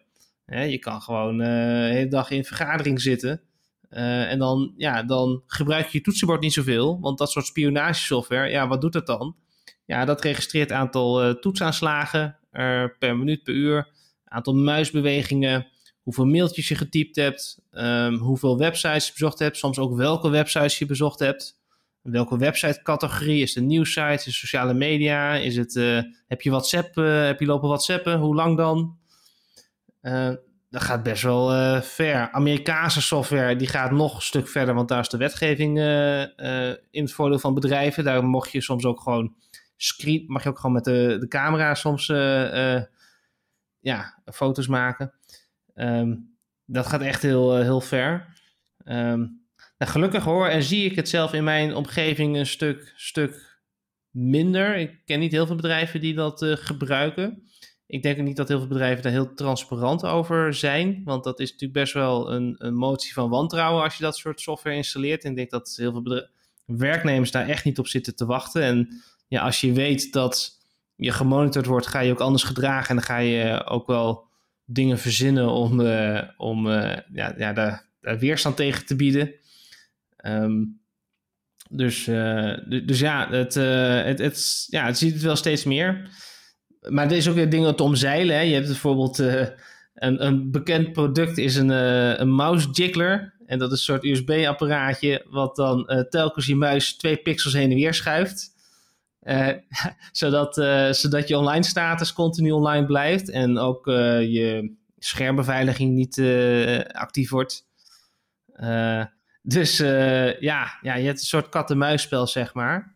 Ja, precies, dat krijg je dan. Ja. ja. Ik heb ook gewoon de hele tijd een videofilmpje op mijn webcam, uh, weet je wel, maar uh, heb ik gewoon draaien. die net het Maar dat is wel grappig. Ja, hoe heet dat? dat is wel grappig, want die, die, ik had het item langs zien komen. Ik heb, ja, sorry, ik heb het niet ben, ik heb me niet in verdiept, zo laat ik het zo zeggen. Want het was even, ik had even andere prioriteiten. Maar het, ik, ik hoorde ook, en dat had ik, volgens, ik weet niet, volgens mij BNR of zo, ging over ook bij studenten, zeg maar. Och ja, en daar is het blijkbaar. Dat is echt heftig. Daar is het erg. Ja, ja, daar heb je ja. zogenaamde proctor software. En omdat al die studenten nu thuis hun toetsen moeten uh, doen, uh, ja, dat is, dat is heel eng voor uh, opleidingen, want die hebben totaal geen idee wat er, of er studieboeken bij iemand thuis liggen. En dus wat hebben ze bedacht? Nou, dan moeten we Proctor software overal bij studenten installeren. En zonder die spionagesoftware van, van je opleiding mag je de toets niet doen. Dus dan zak je gewoon. En, uh, en die spionagesoftware moet je dan op je privé-laptop, privécomputer installeren. Uh, en die houdt dan alles in de gaten. Die houdt, uh, op, op, als je een toets hebt, dan gaat je webcam aan, dan gaat je microfoon aan, dan worden alle lopende processen worden, in de gaten gehouden. Er zit een continu dataverbinding met de cloud. Um, je wordt, alles wordt gescreend, zeg maar. Je wordt helemaal doorgelicht. Nou, ik zou er helemaal uh, paranoïde van, van worden als mij dat zou overkomen. Ik zou daar een hele aparte laptop voor instellen, zeg maar. Um, ja, nou ja, goed, als je de luxe dus hebt, dan bedoel ik kan me voorstellen dat studenten niet nee, per se... Nee, precies. En die denken van, nou, het is misschien ook wel ja. te vertrouwen. Um, maar ja, wat ook wel erg is, op het moment dat... ja, dus ook je hele... In de studentenkamer, wat eigenlijk een student... Voor een student is een kamer, is een huis... Hè? En uh, zowel de voor- als achterkant van, van. Je moet een soort 360 graden uh, filmpje maken van waar je zit. Of er niet ergens stiekem een boek uh, verstopt zit. Um, en op het moment dat het niet helemaal goed gaat, of je laat niet alles zien, dan word je alsnog achteraf, word je, krijg je een onvoldoende. Van ja, er was een zwart, zwart, zwart gat. We kunnen niet uitsluiten dat daar een studieboek lag, dus we geven je een onvoldoende. Of ja, de internetverbinding was slecht, wifi was slecht, het viel er even uit. Ja, um, of um, we horen geluiden op de achtergrond. Dat je huisgenoten lopen te keten bijvoorbeeld. Ja, krijg je ook onvoldoende. Um, dus dat gaat, dat gaat echt heel, uh, heel ver. En ja. Nou, ik heb, ik heb uh, toevallig ook een, een examen gedaan met uh, Proctor U. Ik weet niet of je dat iets zegt, Simon? Nee, die ken ik niet. Uh, Oké, okay, nou dat is, een, dat is ook een softwarepakket dat installeer je op Chrome. En ja, weet je, kijk, ik moest gewoon een certificaat halen. Uh, ja, ik heb dat dan wel gedaan. Ik, ik ben misschien een van die studenten die dan dacht van, ja joh, hoe erg zal het zijn. Maar ja, je, laat je, me wel je, moet gewoon mee, je, je, moet gewoon meedoen, anders krijg je het certificaat niet tegenwoordig. Dus je hebt, je hebt eigenlijk geen keus. Nee, klopt. En uh, ja, het is helemaal, helemaal waar wat je zegt hoor. Dus je wordt echt uh, gebeld door een of andere Amerikaan die dan... Uh, Hè, die komt dan uh, bij je binnen en uh, die vraag je dan van... hey, kan je je toestemming even geven dat ik over je computer uh, kan besturen? En dan zie je inderdaad je camera aangaan. En, en dan stelt hij ook in dat hij... ja, je screenshots zet hij dan uit. Dat zag ik dan wel gelukkig, dat hij dat gewoon voor me deed. En, en notifications zette hij dan uit. Ik moest zelfs inderdaad op een speciale positie gaan zitten... Dat, dat hij de deur kon zien van de kamer. Zodat ik ja. En uh, ik moest mijn bril afdoen en dan ook echt in de camera laten zien dat ik geen camera's in mijn bril had. En uh, mijn, horloge, mijn horloge moest af. Uh, hij, hij, wilde, hij wilde in mijn oor kijken. Dus dat hebben we, in de camera kan je mijn linkeroor en je rechteroor, weet je wel, om te kijken of er geen headphones wow. zitten. Man. Je wordt ja. helemaal fysiek en digitaal doorgelicht. Ja. Ja. ja. ja. Ook dat is weer te omzeilen, hè? want je hebt zeg maar uh, um, soort hardwareapparaatje, waar, wat, wat je tussen een uh, monitorkabel uh, en, en een, compu een, computer kan inklikken. En die is dan met wifi uitgerust. En daar kan je zeg maar heimelijk via wifi je monitorsignaal dupliceren. En naar iemand anders doorsturen die dan real-time kan meekijken. Dat detecteert dit Proctor software helemaal niet. Uh, en vervolgens kan je natuurlijk een mobieltje op trilfunctie in je, in je broek zetten. En, da en dan kan je zo, ik wil mensen niet op idee brengen, maar... Nou ja, bij deze. maar dat is dan mijn hackers mindset die dan weer helemaal, uh, ja, hoe ga je dit systeem omzeilen? Nou ja, op dit soort uh, manieren. en dat gaan ze dan niet doorhebben. Dus het is ook maar de vraag, zeg maar, van dit soort spionage dingen van... Um, hoe, ja, Mo moet je niet gewoon iets verzinnen waardoor je uh, op een andere manier een toets aflegt? Want het is zo invasive in je privacy en je security. Uh, dan denk ik van ja, je moet dan, dan als toetsingsinstantie misschien wat creatiever zijn met een oplossing verzinnen. Laat iemand een uh, werkstuk maken. Hè, laat iemand binnen 24 uur iets, iets opstellen of zo. Ja, ja, En, dan, en dan vragen over stellen, weet je wel, om te kijken of het authentiek is. En, ja, ja doe, doe ja. een videocall of zo met iemand. Um, dus er zijn allerlei andere uh, oplossingen ook wel, die veel minder intrusive zijn. Uh, alleen uh, dat vergt gewoon een, hele andere aanpak. En dit ligt gewoon vrij voor de hand. En iedereen accepteert het, want je hebt geen keus. Dus ja, dan ja, precies. gaat het nog maar wel dat, even door. Maar dat was het hoor. Eerste wat ik dacht ook, ik denk van, oh jee, uh, zolang die maar mijn computer niet gaat hacken. Maar ja, je moet wel, want ik wil die certificaat natuurlijk halen. Ja, heb je het alweer gedeinstalleerd? Uh, Toen werd het stil. Nee. ja, precies. Hey, er gebeurt wat. Dat is wel een goeie, Er gebeurt ja. iets met deze opname ineens. Ja, ja, precies. Ze zijn aan het Het meeluisteren. is wel een goeie. Het-. Ik herinner me ook, dat is wat jij zegt, kiezen. Ik weet niet of het dan die Proctor eh, software. Ik heb ook één keer een, een certificaat. eh, eh, wat was het? Nou goed, maar ergens een certificaat. En moest, het, moest ik het ook doen. Maar het was niet zo streng zoals jij eh, zegt, zeg maar. Dat, dat je met je oren en alles moest laten zien. Ik weet wel dat die software toen. Dus het is al wel, eh, denk ik, een jaartje of vier geleden. eh, daar was het volgens mij ook als er eh, een examen ja, nog. hoe zeg je dat? Gevoeliger was, dan had je zeg maar ook dat je twee webcams moest hebben. Dus eentje waar, jij, waar ze jou konden Oh. zien. En de andere, dat moest je full body. Dus je- hij moest je he- helemaal kunnen zien, zeg maar. Zodat je dus. Eh, dat zij konden zien dat jij niet op je mobieltje zat te kijken. Of dat je een boek opensloeg of zo. Dat soort eh, Ja, ja, bij hogescholen is dat eh, vrij standaard. eh, dat je de, de, aan, Ja, de- oh, aan twee kanten opneemt. Dus je hebt je mobieltje en Ja. je laptopcamera moeten dan aanstaan. Ja, dat is echt bizar. Ja, dus dan moet je op je mobiel en je laptop moet je speciale software weer installeren. Ja, Ehm, en, dat, Wauw. en dit soort partijen die die software levert, die eh, hebben het zelf niet altijd goed voor elkaar. Hè? Dat was eh, vrij kort nadat dit bekend werd, eh, dat software overal, dat pro- protest van studenten, eh, bleek ook eh, in zo'n lever- grote leverancier ook, weer een datalek te hebben. Hè? En ehm, ja, weet je, dan, dan waarschuw je ervoor, je ziet het aankomen en dan gebeurt het en er verandert er weer niks. We gaan door. En ja, ondertussen als je tegenwoordig, als je gewoon volwassen wordt, dan is het helemaal transparant wie je bent, wat je doet, wat je hobby's zijn en je telefoonnummer. Ehm, Ach man. Ja, dus het, eh, ja. Nou, je toch, in- nou, we, nou we je toch in de show hebben, hè, eh, kan je iets vertellen over, de, over je laatste datalek eh, die je ontdekt hebt? Eh ik hoef geen namen natuurlijk te noemen, maar Ja. eerder wat je hebt gevonden. Ja, datalek. Ehm, nou, wel iets groots wat ik eh, eh, toch al recent eh, ook al eh, gepubliceerd heb. Want, nou, het me- meeste wat eh, uit, in mijn professionele werk, ja, kan ik natuurlijk niks over zeggen. Ik zit helemaal onder de NDA's. Ehm, maar wat, eh, nou, wat al recent is geweest, is ik, ehm, ik heb een stichting. Een stichting die heet eh, Stichting tegen Hekbare Verkiezingen. En ik ben zo'n vier jaar geleden ben ik ja, eigenlijk per toeval met het onderwerp verkiezingen ehm, in aanraking gekomen. En nou, we met potlood en papier. Maar wat weinig mensen weten is dat het daarna op de gemeentehuizen eh, alle stemtotalen per stembureau in een eh, optelcomputer worden eh, overgetypt. En die optelcomputer breekt uiteindelijk de uitslag. De software bepaalt in Nederland wie de verkiezing wint. Nou, toen ik dat vier jaar, voor het vier jaar geleden voor het eerst hoorde, dacht ik echt van, nou, dit meen je niet. Dit, dit kan niet. De computers zijn zo fragiel.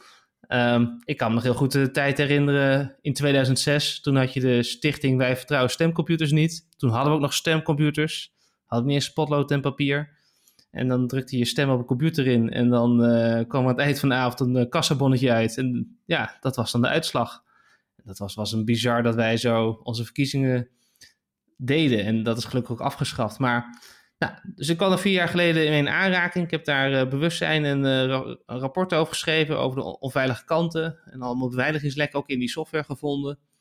En ehm, nou, daar werd ook wel wat aan gedaan. Maar uiteindelijk, ook weer, eh, uiteindelijk berekende toch weer de software altijd weer de uitkomst de afgelopen vier jaar.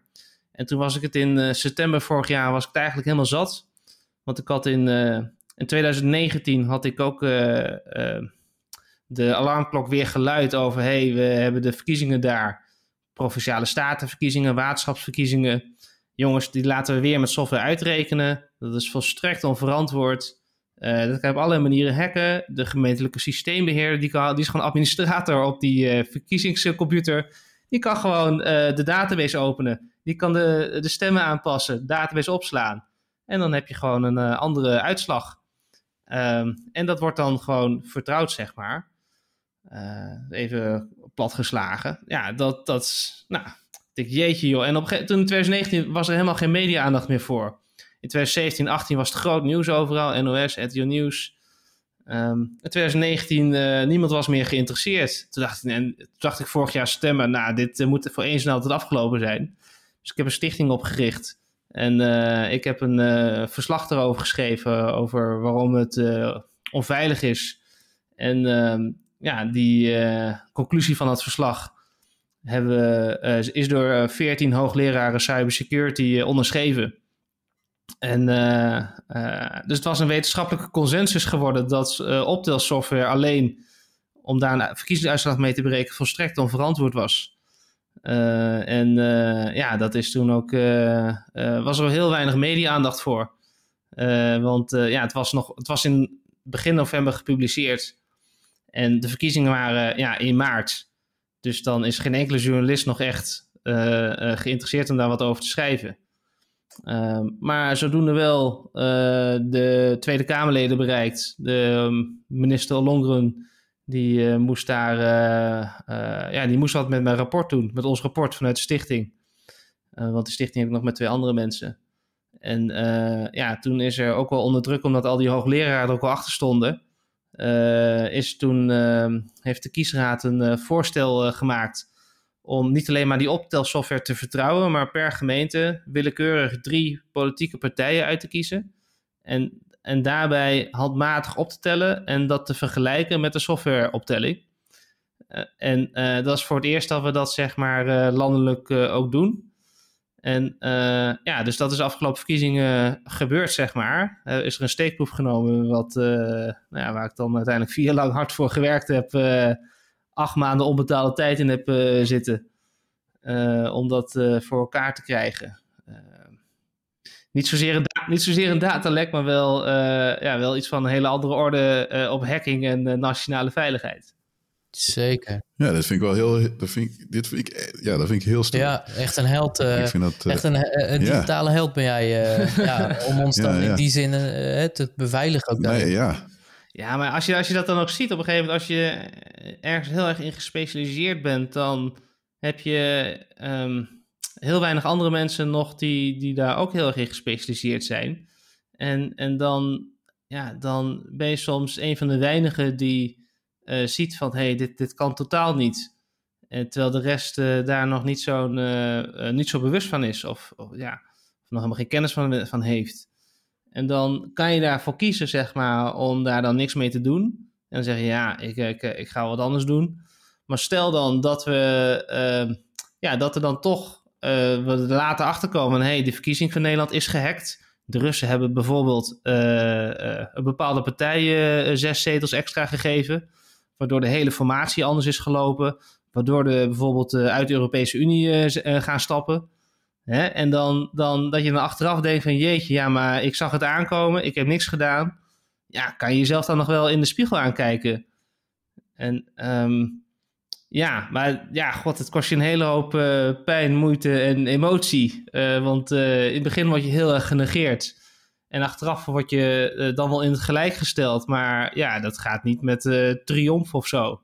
Hè, dat is met heel veel politiek gedoe, zeg maar dus uh, ja, het is, wel, het is wel een enorme strijd, zeg maar, om dat dan uiteindelijk in, in, te blijven volhouden en ja, door te zetten. Ja, die rugbaarheid die viel ook. Tenminste, ik heb niet die media-aandacht heel erg opgepikt. Nee, nee, het is heel, heel erg onder de radar. Men vond het veel interessanter om te schrijven over wat er in Amerika met Trump allemaal gebeurde, dan, dan over verkiezingsveiligheid. En het is ook een beetje een, een moeilijk onderwerp voor journalisten hoor. Want ja, je, ze willen niet zomaar schrijven van hé, hey, de verkiezingen zijn onbetrouwbaar. Of er is mogelijk mee gehackt. Dus ja, dat, dat is, is blijkbaar een heel ingewikkeld onderwerp om daar wat over te zeggen. Het is geen makkelijk nieuws om te brengen. Ja, ja nou, nou goed, er zijn even twee dingen die, die ik wel daar wil aankaarten. Zeg maar. De eerste, nou goed, sowieso ik, ik vind het raar, omdat uh, natuurlijk, je zegt net ook Trump, want we hebben ook, weet je, er is heel veel aandacht naar uit geweest van, hey, zijn die verkiezingen uh, van Trump, zeg maar, dus toen het tussen Hillary en Trump ging, zijn die toen eerlijk, uh, is, is dat eerlijk gegaan? hebben de Russen of whatever andere partijen daar niet misschien iets gedaan wat, wat gek is? En dan zou je zeggen dat wij hier in Nederland daar wel een soort van bewustwording hebben van, oh, wacht even, dit moeten we even doorvertalen naar onze eigen verkiezingen. En alleen, ik vind echt, ja, ik word, al, ik word er echt wel echt vaak boos over. Zeg maar dat ik vind dat er gewoon te weinig ICT of technische kennis in de Nederlandse politiek zit, zeg maar. En dan vooral uh, landelijk. Uh, dus daar, daar heb ik nog wel, denk van, nou, dat is een beetje jammer. Je zegt daarna, zei je ook iets over de journalisten. Nou, ik, zit, ik kom wel uh, met, Neurs, met Neurs op tafel, misschien ken je die ja. podcast. En daar was, en ja, nu niet meer, maar Joost Schelvis, die ken je ja, denk ik ook. Goed. Die bij, uh, bij het NPO werkt, NOS. of NOS. Ik haal, ja, precies, die haal ik altijd door elkaar. Dus die, uh, ja, ik weet niet of die het, maar goed, dat is een van de journalisten die gelukkig dat dan wel af en toe uh, onder de aandacht brengt. Uh, ik zal hem wel eens aanspreken. Zeg maar, hey, waarom heb je die nog meer rugbaarheid aan gegeven? En waarom ben je niet gaan schreeuwen? Ja. Misschien heeft hij dat gedaan, hoor, weet ik niet. En, ja, dit, dit, is zeg, dit is zeg maar bij journalisten heel belangrijk. en dat is ook, ook wel een leermoment weer voor mij, dat ze een journalist wil de scoop hebben. Dus die wil het de eerste verhaal naar buiten brengen, het wereldkundig maken. Want dan kunnen ze zeggen, uit eigen onderzoek hebben we geconstateerd dat. En dan uh, mogen ze daar onderzoekstijd op uh, investeren. Maar op het moment dat je dat als een, een journalistiek bedrijf niet de scoop heeft, dan uh, ja, gaan ze eigenlijk onerbiedig gezegd, schrijven ze eigenlijk alleen maar persberichten over. en dat is heel vluchtig, daar zit heel weinig onderzoek aan vast. En ja, dan ja, dus dat is heel, media is heel vluchtig. Daar ben ik ook wel achter gekomen. Uh, en ja, dan heb je zo'n groot onderwerp en dan, ja, dan, uh, ja, dus als, je, als ze niet het nieuws willen brengen of zo, dan, uh, of het is nog niet actueel, ja, dan krijg je het gewoon bijna niet gepubliceerd. En dan zijn ook die eindredacteuren dan, ik, heb je ook al veel met Joost over gesproken, dus hij is helemaal op de hoogte ook over deze situatie.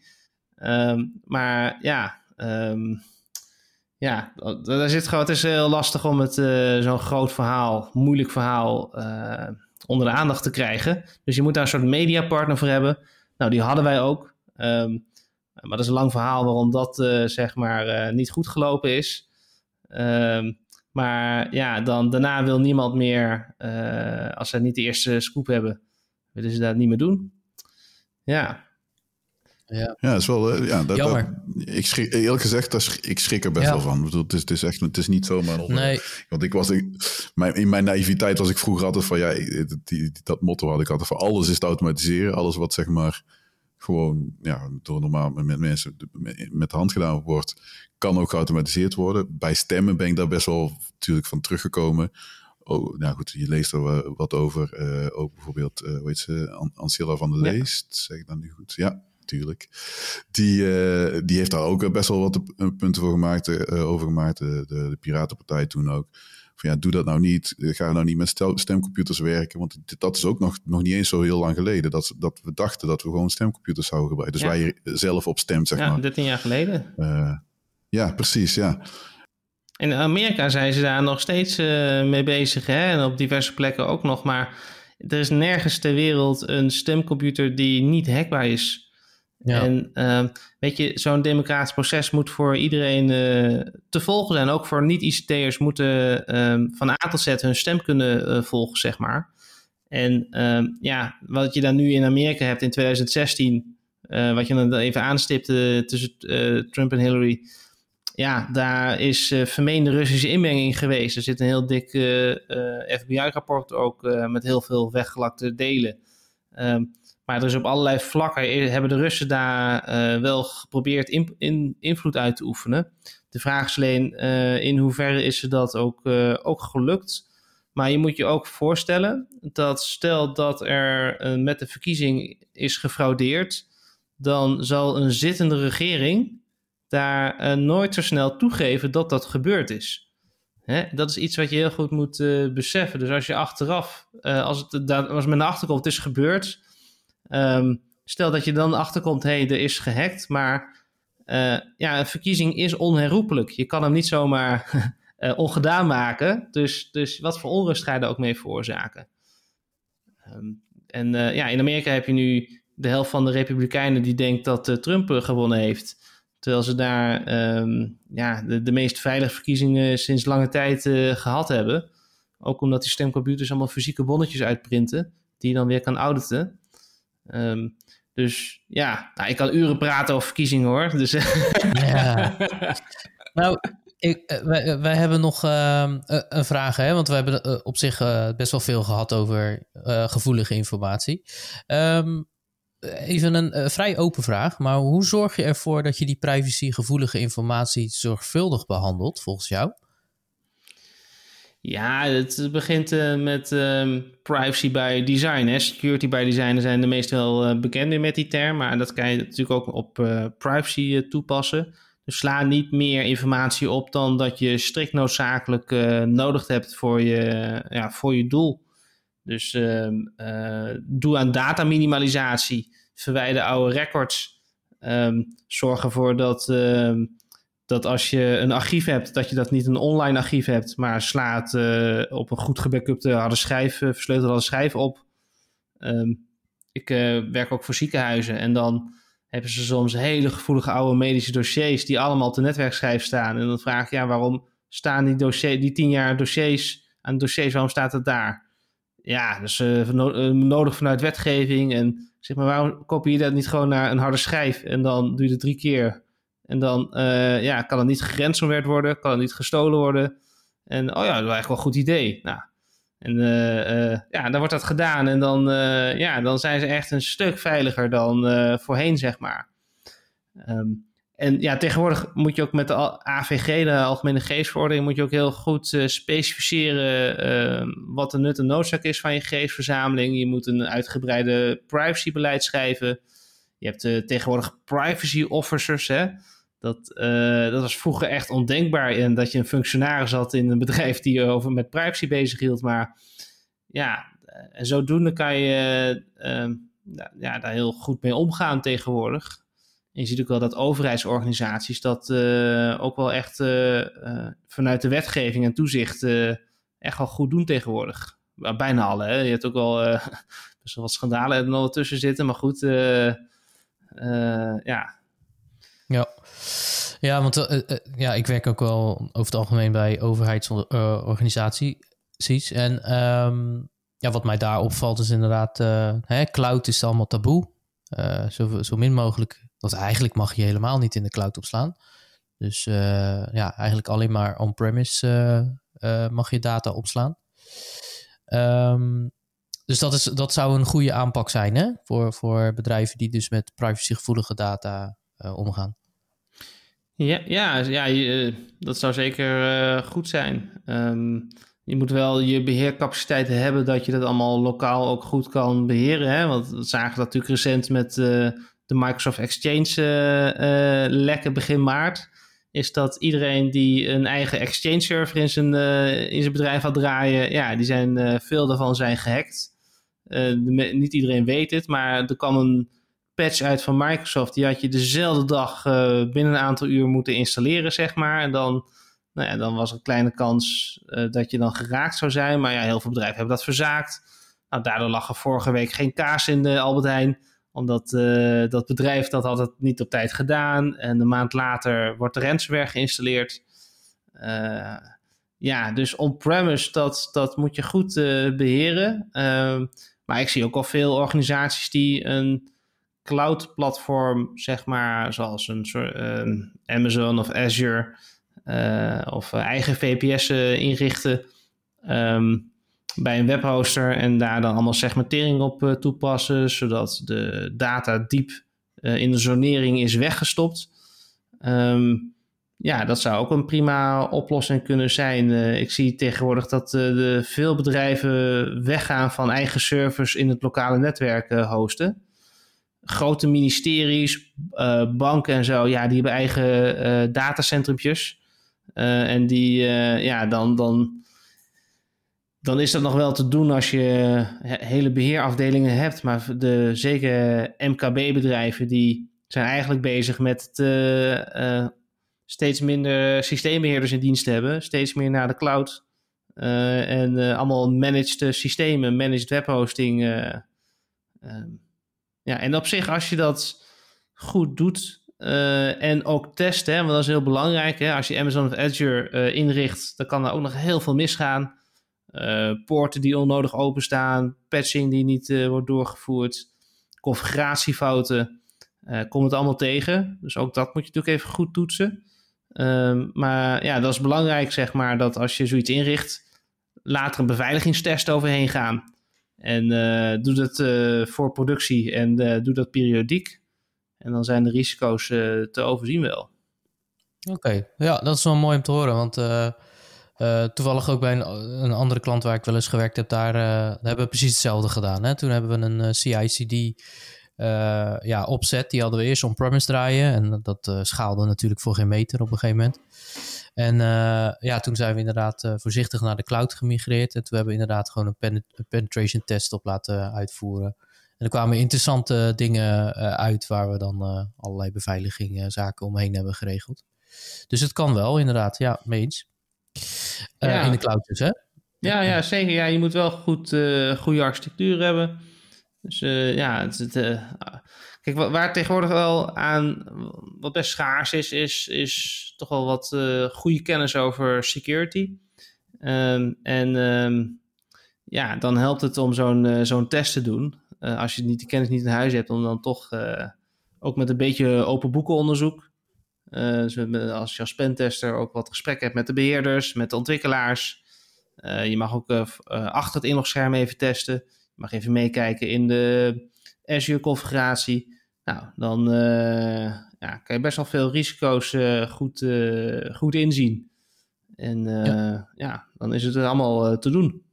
Ja, zeker. Ja, ik kan me ook herinneren dat AWS op een gegeven moment ook echt bij ons mee ging denken. Want ja, die, die beweerden dan ook dat ze natuurlijk het beste hebben voor ons bedrijf. En ik denk ook wel dat dat terecht is. hè? Ik bedoel, ja, maar je moet bij dat soort platformen moet je dan wel heel snel de creditcard trekken. Hè? Want de, de instappakketjes die zijn allemaal heel goedkoop. Daarmee lokken ze klanten. Daarmee heb je een Spartaanse omgeving draaien. En eh, een grote klant van mij die had alles in uh, Amazon draaien. En die, die had op een gegeven moment een van de databases was geransomwerd. En toen wou ik daar een forensisch onderzoek op doen. maar toen bleek dat de configuratie van de logboeken eh, van die database, die waren eh, drie dagen. Hè? En dan uh, wil je lange logboekretentie hebben. Nou, dan moest je weer allerlei extra dingen bestellen. Wil je security monitoring van Amazon hebben, dan moet je ook weer extra dingen bestellen. Dus, dus bij dat soort cloud-platformen die een soort cafetaria-lijst hebben, moet je wel echt de goede vinkjes allemaal aan hebben staan, goed configureren. en er ook regelmatig naar kijken om het wel echt voldoende veilig uh, te krijgen en te houden. Dus je bent met zo'n. Veel bedrijven denken ook en ontwikkelaars van. Nou, uh, ik ga naar zo'n uh, gerenommeerde partij heen, dan zal het wel goed voor elkaar zijn. Ja, maar je krijgt alsnog een heel scherpe zakmes waar je lelijk kan baseren. Um, je moet wel de juiste ja, tools inschakelen en ja, ook wel weten wat je doet erin. Ja, Nee, mee eens. En het, het, is natuurlijk altijd wel vanwege een uh, hè, financieel verhaal dat ze natuurlijk bij ons komen aankloppen en uh, advies komen geven. Maar ik moet wel zeggen dat de ervaring wel goed was hoor. Dus uh, ze dachten echt wel met ons mee. En ze hadden ook wat casussen opgenoemd van oké, okay, zorg ervoor dat je dit goed in, in kaart hebt en dat je dit erbij neemt. Weet je wel, al die vinkjes waar je het over hebt. Ja, nou, keurig. Ja, oké. Okay. Um, ehm, en uh, ja, ik heb één laatste vraag. Dat was dan uh, meer uit eigen belang ook een beetje. dus ik ben ook heel blij dat je in de aflevering bent. Um, een vraag die wij heel vaak krijgen in ons team, um, waar ik nu werk, um, is hoe bewaar je nou wachtwoorden goed in een grote organisatie? Ja, ja daar lopen heel veel organisaties tegenaan. En wat je veel bij enterprise organisaties ziet, dat die hebben um, speciale dure software uh, waar dan centraal wachtwoorden in opgeslagen worden. En iedere keer dat je dan een wachtwoord opvraagt, wordt er ook uh, in een eh, centrale database gelogd wie welk wachtwoord wanneer heeft opgevraagd. Uh, en ja, daar, heb je dat soort oplossingen voor. Um, wat ik ook zie, is dat, dat er ja, veelal op netwerk schrijven, zeg maar, een, uh, een KeyPass database uh, staat. Uh, waar, waar dan meerdere mensen in kunnen werken. Soms staat ook de, de executable staat, uh, in het mapje waar de databasebestandje staat, waar dan iedereen weer schrijfrecht op heeft. Dus dan kan je als, als een van de mensen die toegang heeft dan uh, ook schrijfrecht op de executable heeft, dan kan je natuurlijk daar een malware in zetten en zo kan je de hele wachtwoorddatabase achterhalen.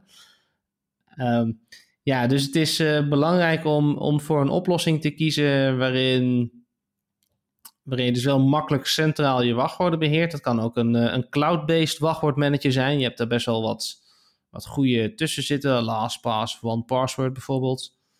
Um, en ik zou zelf kiezen voor een, uh, een, een KeyPass database bestand die je dan uh, ergens neerzet op je netwerk, besloten netwerk, uh, waar je hele strikte autorisaties op hebt staan. Niet to know, zeg maar.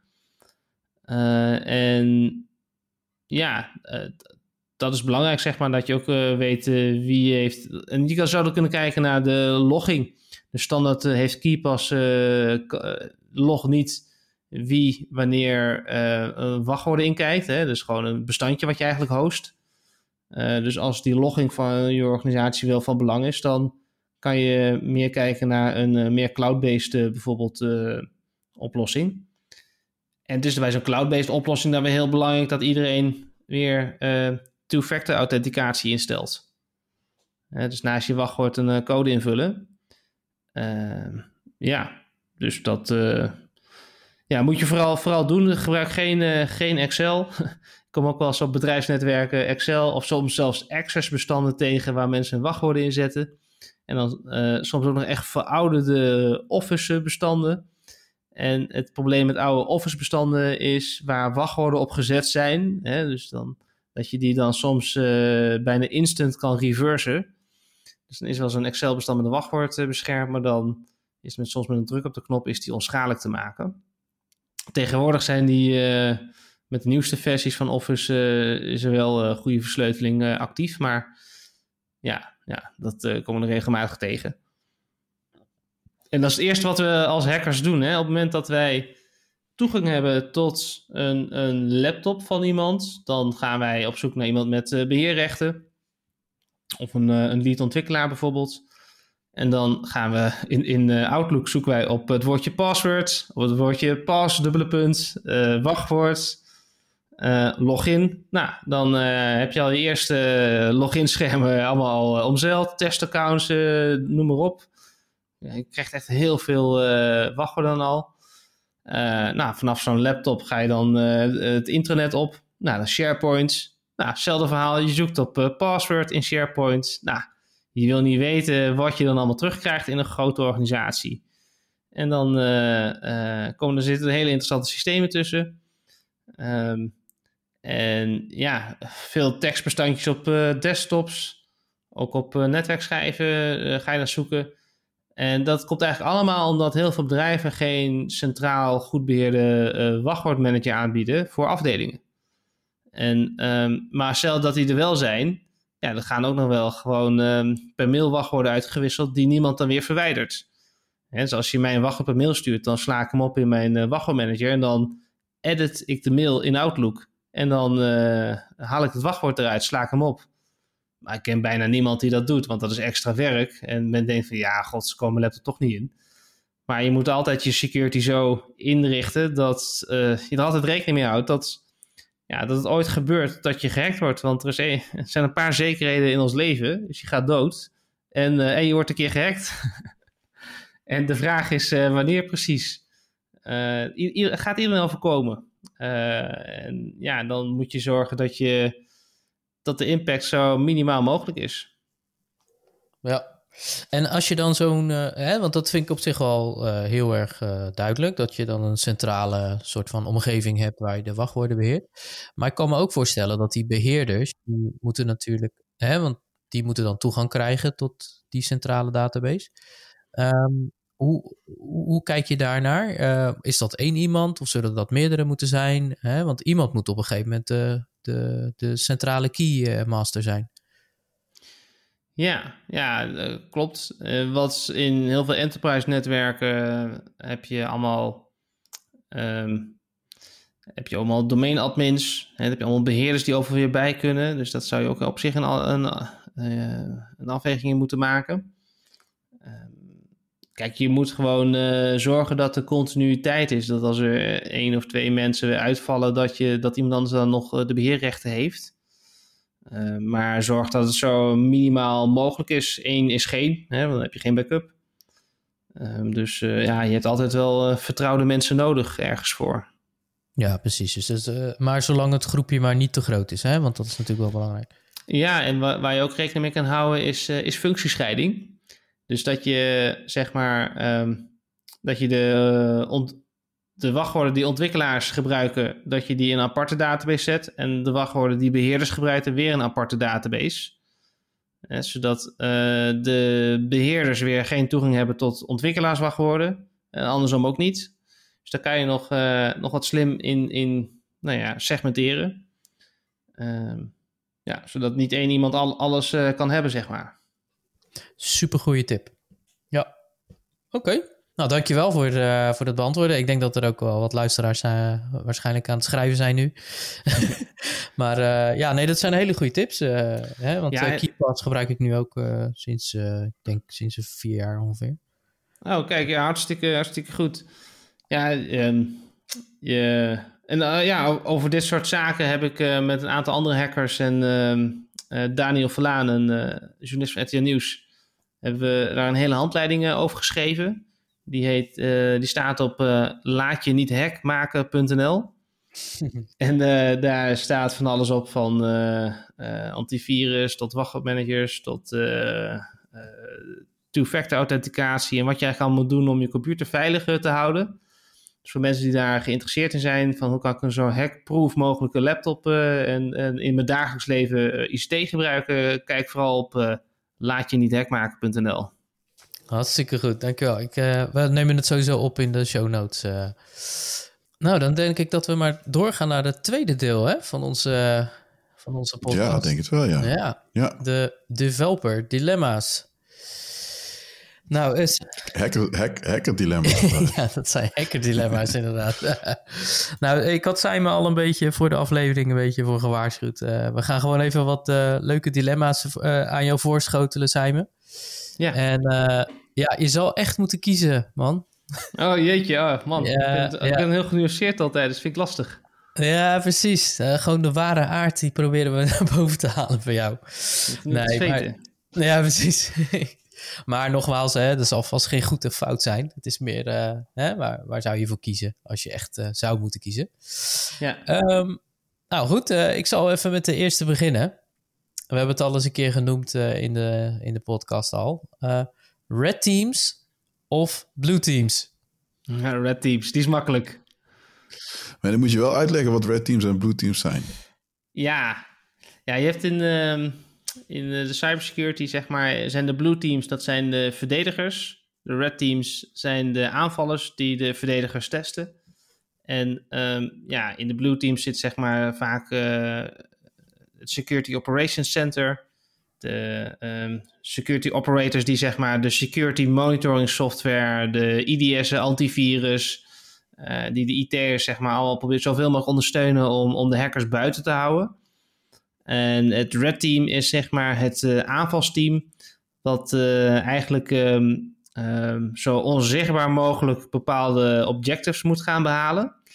Nou, dat is eh, een van mijn grootste hobby's, eh, wat ik ook onder andere voor, eh, ehm, voor, voor banken heb gedaan en nu ook voor het ministerie van Volksgezondheid doe. Is om ja, dat blue team ja, zonder dat ze er vanaf weten, gaan wij als red team zeg maar inbreken. Terwijl security en fraude monitoring aanstaat. om dan te testen van is de beveiliging op orde. Nou, en daar kan ook, eh, daar, hoort ook social engineering bij. Dus het, eh, het menselijke aspect, eh, mensen om de tuin leiden. Dus bijvoorbeeld, je kan mensen opbellen om een wachtwoord te vragen, phishing e-mailtje versturen. Ehm, je kan via LinkedIn netprofielen gaan opzetten en dan ja, je voordoen als een medewerker van het bedrijf bijvoorbeeld en zo informatie ontfrutselen.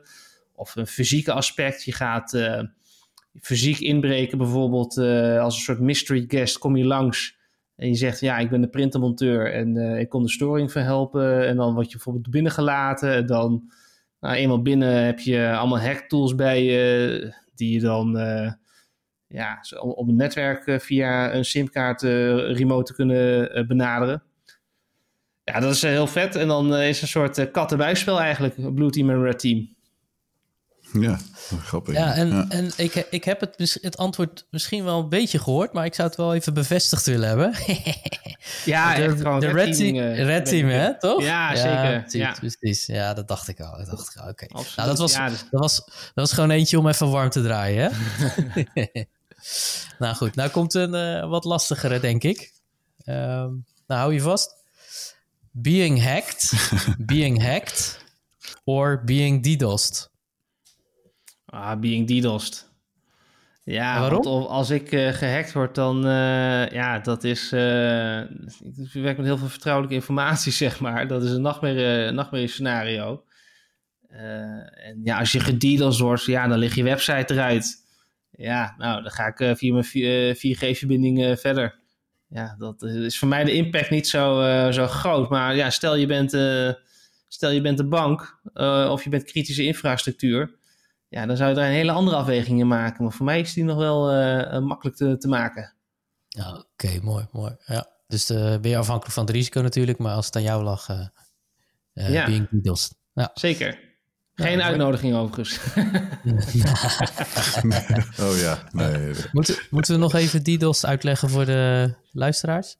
Of is Ja, dat die- die- Ik denk dat de meeste mensen het al het weten. is Maar ja, ja, een service, dus je gaat met heel veel computers tegelijkertijd of heel veel internetverbindingen tegelijkertijd eh, stuur je dat allemaal eh, op één computer af en die eh, kan het aantal verzoeken dan niet aan. Die bijvoorbeeld maximaal 200 eh, ingangen. En ja, als je dan met duizend tegelijk een webpagina opvraagt, ja, dan krijgt bezoeker 201 tot en met 1000, die krijgt gewoon geen antwoord meer terug. Dus dan, ja, dan ligt gewoon de hele dienst eruit. Ja, precies. Ja. Oké. Ehm, nou, de, de volgende die is een beetje een open deur, vind ik. Maar ik vond hem wel leuk om even op te noemen. Ehm, memorize your SSH keys. Or tattoo your SSH keys. Oh ja. Ja, dan zou, je, zou ik zeker eh, eh, het onthouden. Maar dat is ook wel echt eh, super ingewikkeld. Ehm, ja, kijk, die, als je het tatoeëert, dan eh, kan, je, hem, eh, kan je niet zomaar je, je, je SSH-key aanpassen. Ja, dat is waar. Ja, dus eh, als je gaat zwemmen, dan uh, ja, dat is wel, uh, wel of gefotografeerd wordt. Ja, dan ben je gewoon de klos. Ja. Oh ja, tuurlijk, ja. ja. Ik vraag, ik, ja deze, deze heb ik van de, de, de, de uh, developerdilemma's.com uh, gehaald. Ik vond hem wel heel toepasselijk toen ik hem voorbij uh, zag komen. Ik denk, ik ga hem gewoon even stellen aan je. Want ik vraag me dan ook echt af of de developers dan echt hun ta een tatoeage van hun SSH-key zouden tatoeëren. maar goed. Zo, ja. We moeten eerst wat tegenkomen, denk ik hoor. Maar ik, ja, ik heb wel iemand uh, ja. die dan het logo van hun favoriete spel of zo tatoeëren. Ja, ja. Die, die, die, zien we ook Iets andere orde. Ja, die geloof ik al, ja. Ik, ik hoorde ook dat Saber een uh, hele mooie tattoo op zijn bil heeft uh, van uh, Microsoft, geloof ik, of zo. Oh, wauw. Dat is wel echt uh, fanboy. Nee, nee, nooit. zo. Maar dit is, is vroeger, uh, want toen had men nog helemaal geen encryptie. En dan praat ik uh, over uh, honderden duizend tot duizenden jaren terug. Hoe, hoe, krijg je dan een bericht van, van A naar B? Hè? En stel je wordt onderschept. Nou, dan kun je een geheimschrift gebruiken en zo. Maar wat men toen ook al deed, was het, het bericht zeg maar op iemands hoofd tatoeëren. En dan groeide daar haar overheen. En zo kon je toch onzichtbaar een bericht van A naar B uh, uh, versturen. Ja, dus er zijn wel uh, in de cryptografie, zeg maar, wel echt wel verhalen van tatoeages bekend. Die echt wel een grote rol gespeeld. Ja, ja. Zeker. Ja, ja. Nou, nou komen we bij de laatste. Serverless hè, ontwikkeling. Or containers ontwikkeling. Poeh, ja, ik uh, zou dan in containers uh, ontwikkelen, omdat dat uh, veel schaalbaarder en reproduceerbaarder is. Oké, okay, en serverless, serverless dan niet? Dat reproduceerbaarheid is, dat is denk ik wel een punt. Dat schaalbare, dat kun je denken, oh ja, sorry, ik, ik vul het nu even in. Maar Ja. dat, dat, dat, dat schaalbare is, serverless kan dat, ja, dat, die, dat is een van de eigenschappen. Maar reproduceerbaarheid is denk ik nog wel een... eh, Wat wat bedoel je met s- serverless, zeg maar, met die term? Oh ja, nou dat is wel misschien wel helemaal een goeie. Eh, ja, het, is- het, is, het, is, het is eigenlijk tegenwoordig met de cloud is het nooit meer jouw server. Maar goed, wat er eigenlijk gezegd wordt is met serverless van je, je, je deployt alleen jouw code ergens heen. En dat wordt dan eh, eh, op afroep, zeg maar, wordt die in de lucht gebracht. Dus stel, je, hoeft dan alleen maar te betalen. Dat is dan eh, de marketing, het marketingverhaal eronder omheen. Je, je betaalt alleen maar voor de compute power als het gebruikt wordt. Dus als ik een, een web request doe naar een serverless functie, dan komt die alleen in de lucht als die web request zeg maar eh, uitgevoerd moet worden. Dan doet hij een berekening en als hij klaar is, dan of hij, eh, hij eh, maakt het plaatje, zet hij ergens anders naartoe of, of schrijft hij ergens anders heen en dan is het klaar en dan is hij, is hij weer uit de lucht. En eh, je hebt helemaal geen benul of op wat voor server het draait of, of waar het draait. En Ja. Dus dat is allemaal helemaal weggeabstraheerd voor Ja, je. precies. Ja, dan zou mijn overduidelijke voorkeur naar containerized heen gaan. Maar het ligt ook natuurlijk aan de toepassing. Stel je wil een, een wachtwoord kraken. Hè? Dan zie je wel dat eh, hackers eh, toch wel eh, serverless architectuur inzetten. Gewoon een hoop geld er tegenaan gooien en ga deze hash maar kraken. Dan maakt me niet uit hoe je het doet. Ik wil gewoon resultaat hebben. En ja, dat schaalt heel lekker en, en goed. En dan maakt het niet zoveel uit wat er eigenlijk allemaal precies gebeurt. En bij eh, ja, containers heb je gewoon eh, ja, heel reproduceerbaar wat er gebeurt. En als je da- integriteit van je systeem heel belangrijk is, dan, ja, dan wil je niet dat eh, een of andere black box het voor je oplost of zo. Ja, precies. Ja, ja, ja. ja dat is wel een, eh, Nou, ja, een duidelijke. super. super. Ja. ik, ik twijfelde over deze laatste, maar ik ben wel blij dat we hem even genoemd hebben. Want het geeft wel de Ja. twee eh, ja, spectrums even aan. En, en ook veiligheid hebben we hierin dan even besproken. Dus het heeft in ieder geval mij weer Ja. een, eh, een wijze les geleerd.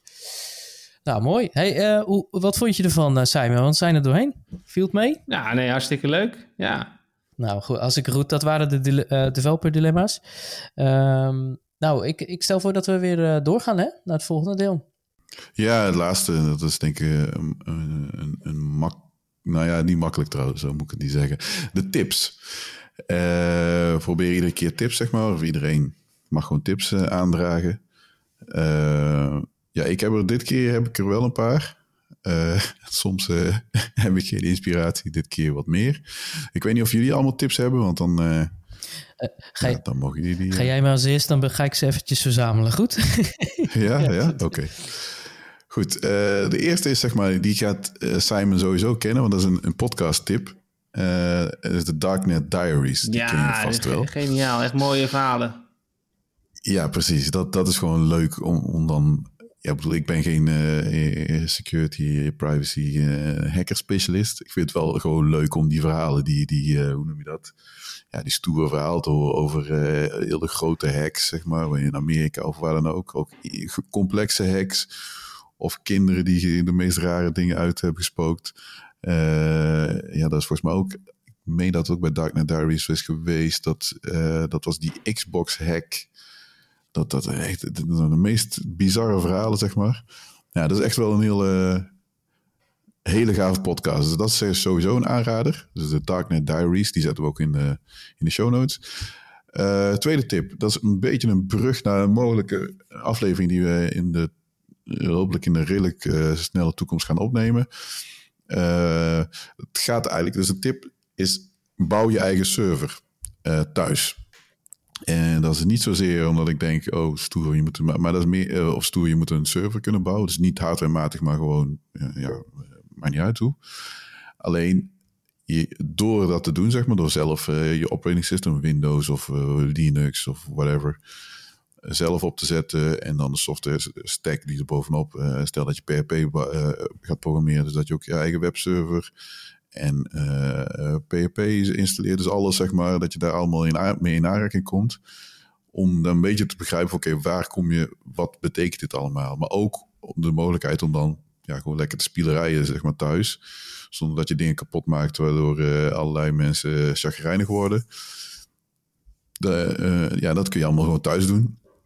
Eh, Nou, waarom kwam ik hier ook op, is omdat wij ja, in de Slack, zeg maar, bij ons heb ik met Rogier Lommers, die heeft in een eerdere aflevering, is die gast geweest, die werkt bij bol.com en die tipte ons, die had wat feedback, zeg maar. Die zei ook van ja, misschien moeten we een keer, of moeten jullie een keer een aflevering uh, opnemen over ja, zelf thuis uh, service draaien en, en wat komt er dan bij kijken en wat kun je dan doen en wat voor software, et cetera. Dus dat, zo'n aflevering gaan we in de toekomst wel een keer maken. Maar een tip is in ieder geval, en bouwen we een keer zelf een server en draai je eigen software. De laatste is een beetje gewoon nerd culture, is en popculture is. Uh, ja, ik ben best wel een Marvel-fan. Ook, ook van de films, maar ook de comics, zeg maar. En er is een Marvel Unlimited abonnement. Uh, ja, dat is. Ik weet niet. Dat, nou goed, dat kost. Dat uh, kost. Weet ik veel, 10 euro of zo. Dat is een beetje zo'n Netflix abonnement, vorm, abonnementsvorm. Een soort van all you can eat. je betaalt dan, ik meen 10 euro per maand. en dan kun je gewoon alle strips zeg maar, lezen zeg maar, bij, uh, van Marvel. En je hebt ook een jaarabonnement. Die is een stuk goedkoper. Dan is het volgens mij iets van uh, 6 euro per maand. En ja, dat, dat is wel tof. Want dan kun je... Goed, ik ben nu toevallig een, een reeks van um, The Avengers aan het lezen. Die ergens aflevering 93 of zo. Dus die komt uit 19... 64. En dat is wel heel grappig om dan die, te zien hoe in die tijdsgeest al die superhelden zeg maar geplaatst zijn. En hoe, ja, die, de taalgebruik is net even wat anders. Maar je ziet wel heel erg waar al die, die films van nu eh, op gebaseerd zijn. Dus dat, dat is een, tip. Uh, ja, best wel een gunstige uh, abonnementsvorm. Ja, dat, dat, waren mijn drie tips. Ja, dus 65 euro per jaar, dat is op zich nog wel redelijk. Uh, ja, ja, ja. ja. Ik, heb, ik heb ook nog wel een, een tip die ik wil, uh, wil geven, is uh, je hebt uh, van OWASP, dus ehm, eigenlijk de, de organisatie die, die alles weet over eh, websitebeveiliging, die heeft ook een hele reeks boeken geschreven. En die bieden ze tegen, tegen kostprijs aan. Dus dan heb je echt voor 20 euro heb je acht boeken of zo. en ehm, ja, dus als je daarop zoekt, kun je echt voor heel weinig geld heel veel security applicatiebeveiligingslectuur binnenhalen. Um, Kost je bij niks. Cool. Ja. Um, ik had ook nog uh, twee tipjes uh, over nerd uh, items gesproken. ik zag onlangs een, een Optimus Prime auto-converting voice-controlled advanced robot. Was, mond vol. Ja, echt. Die was zo vet. Dus dan, dan zeg je gewoon tegen die Optimus Prime, zeg je, weet je wel, Autobot, roll out. En dan transformeert hij uit zichzelf. Er zitten echt meer dan 600 chips in. Uh, ik weet niet wat er allemaal voor sensoren allemaal op zitten, maar dan... Moet je hem ook op, met je wifi uh, verbinden? ja, hij is, hij is sowieso voice control, dus ik ben wel benieuwd hoe ze dat willen hacken.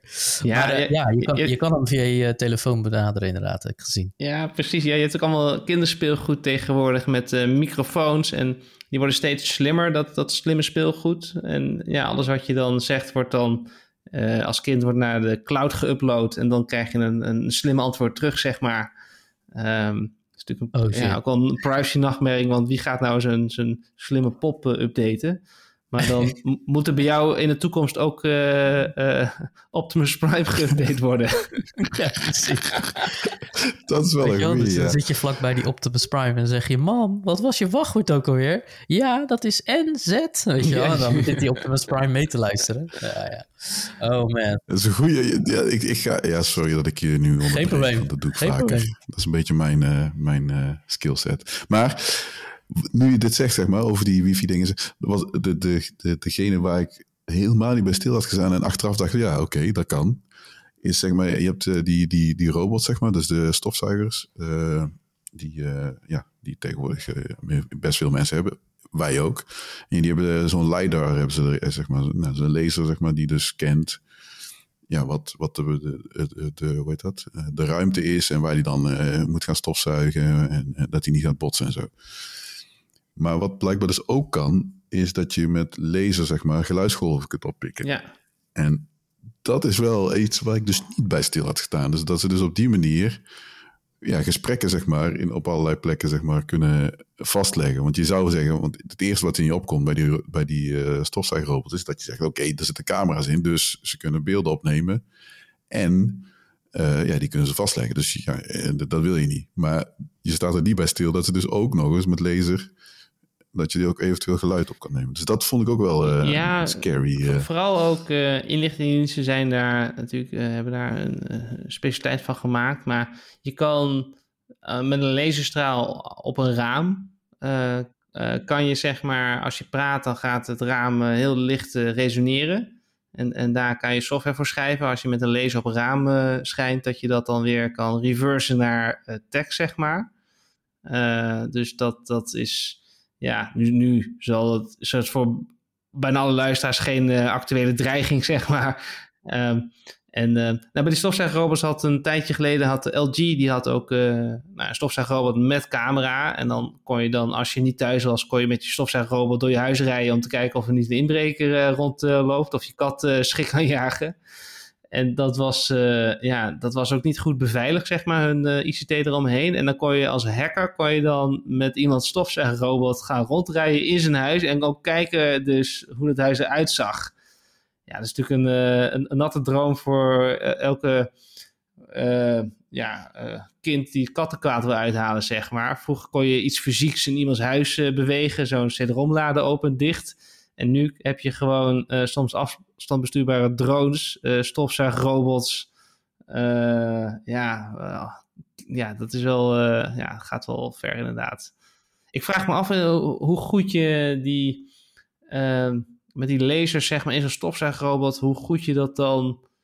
Ja, dan moet, dan moet die stofzuigrobot moet dan wel naar een soort spiegel rijden of zo. Of als je panorama, panorama ramen hebt tot de grond, dat hij dan daarop zou kunnen doen. Ik vind, het wel, eh, ik vind wel goed bedacht op zich. Ja, ja zeker. Ja, het, het zal ook wel weer een, een, een combinatie zijn van. Dus ik, ik, ik, denk niet dat het bij heel, bij heel veel mensen zal het niet kunnen.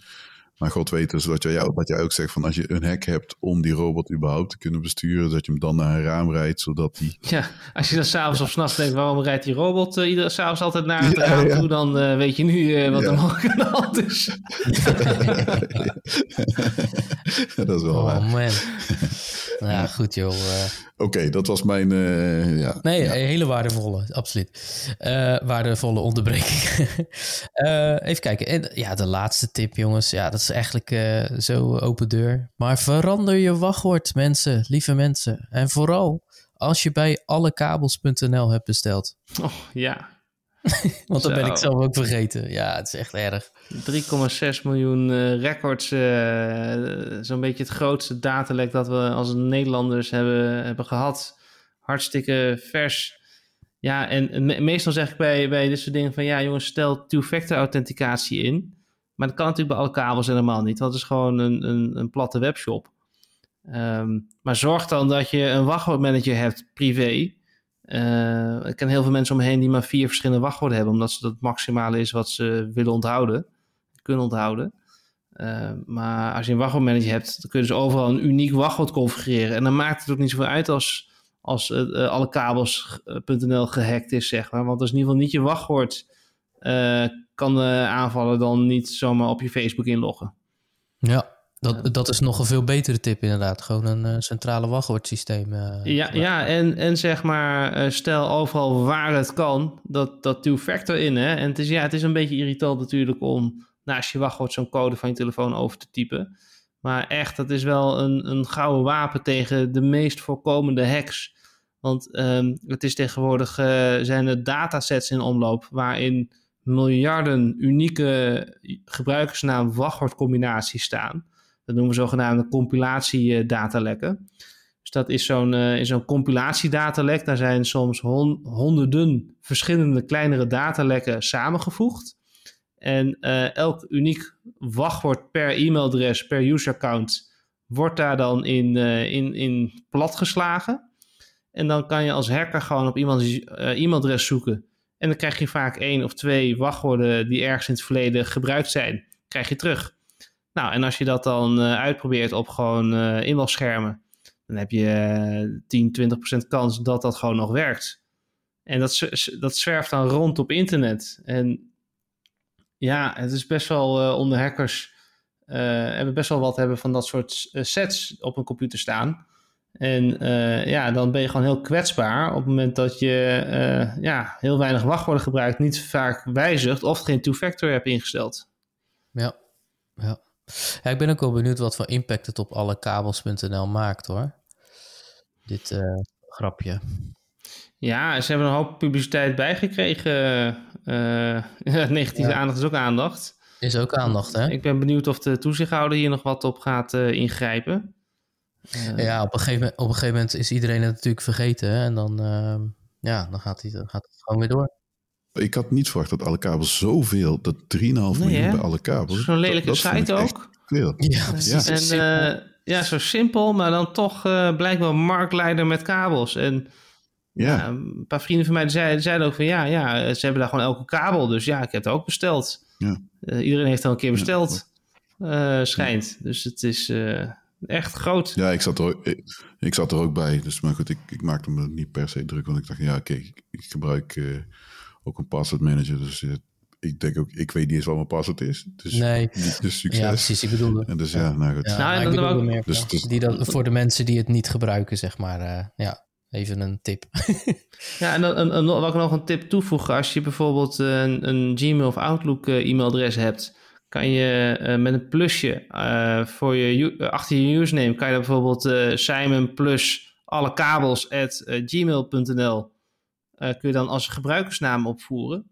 En dan mocht je op een gegeven moment op dat e-mailadres, mocht je op een gegeven moment ehm, ja, opeens een hele niet verklaarbare nieuwsbrieven of phishing mailtjes krijgen, dan weet je van hé, hey, allekabels.nl is gehackt, want daar heb ik als enige dat e-mailadres uh, toegevoegd. Ja, dat is wel een slimme, ja. Dus ja. Outlook en Gmail die staan toe dat je willekeurig aantal e-mailadressen maakt als er maar een, een plusje achter je username staat. Oh, oké. Okay. Ja, en zo kwamen ook bepaalde mensen erachter dat, dat hun account bij alle kabels was gehackt, omdat ze daar op een gegeven moment uh, phishing uh, mails op kregen. Nou, goede tip. Ja, dat is ook wel iets wat uh, ja, dus de, de, wereld weer een stukje veiliger maakt. We zijn alweer twee uur lekker bezig. Zo, op. tijd gaat snel zeg. En, gaat snel, wanneer, als je het naar je zin hebt. En ik, moet, ik moet toch even een kudo maken naar Zencaster. Uh, dit, dit keer heeft hij het volgehouden. Tot die twee uur lang. Totdat... Ja, ik, wil, ik wilde bijna zeggen niet de goden verzoeken, uh, maar goed, ja, ja, dat is tot, waar. Totdat, totdat ja. we op stop recording drukken. maar goed.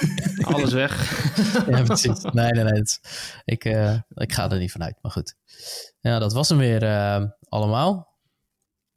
Nou, ik wilde Simon natuurlijk onwijs bedanken voor je deelname tijdens deze podcast. Ja, dank voor de uitnodiging. Heel leuk om hier te mogen zijn ook. Ja, ik hoop dat je het leuk hebt gehad. Zeker. Ja, en wij hebben natuurlijk veel geleerd over cybersecurity, hacking en privacy. Uh, een mooie toevoeging, toch Saber? Ja, ja, ja, zeker. Nee, zeker een interessant onderwerp. Eh, ik denk ja. dat het voor de luisteraars ook interessant is. Zeker voor developers ook, hè, want wij denken niet altijd aan security. Nee, precies. ja. Altijd security achteraf, hè? een beetje eraan plakken. Ja, precies. Security last. Ja, het is ook goed om uh, security mensen tijdens het ontwikkelen te betrekken bij je software. Zodat je niet die eindwatervalachtige uh, pentest krijgt terwijl je live moet, maar dan nog een maand aan alle security fixes moet werken. Iedereen in stress. Ja, dat is dat. Ja, eens. Dat kan ik alleen maar beamen. Dat gebeurt gelukkig wel meer hoor. Ik bedoel, dat is, ja, dat was helemaal niet gangbaar.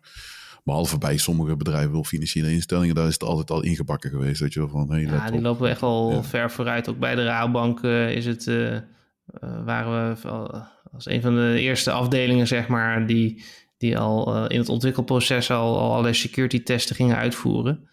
En dan is je planning veel, veel meer te, te doen. Maar heel veel bedrijven hebben nog nooit een security test uitgevoerd. Dus dan is al zo'n eindtest, is al, of überhaupt een keer een test, is al is al waardevol.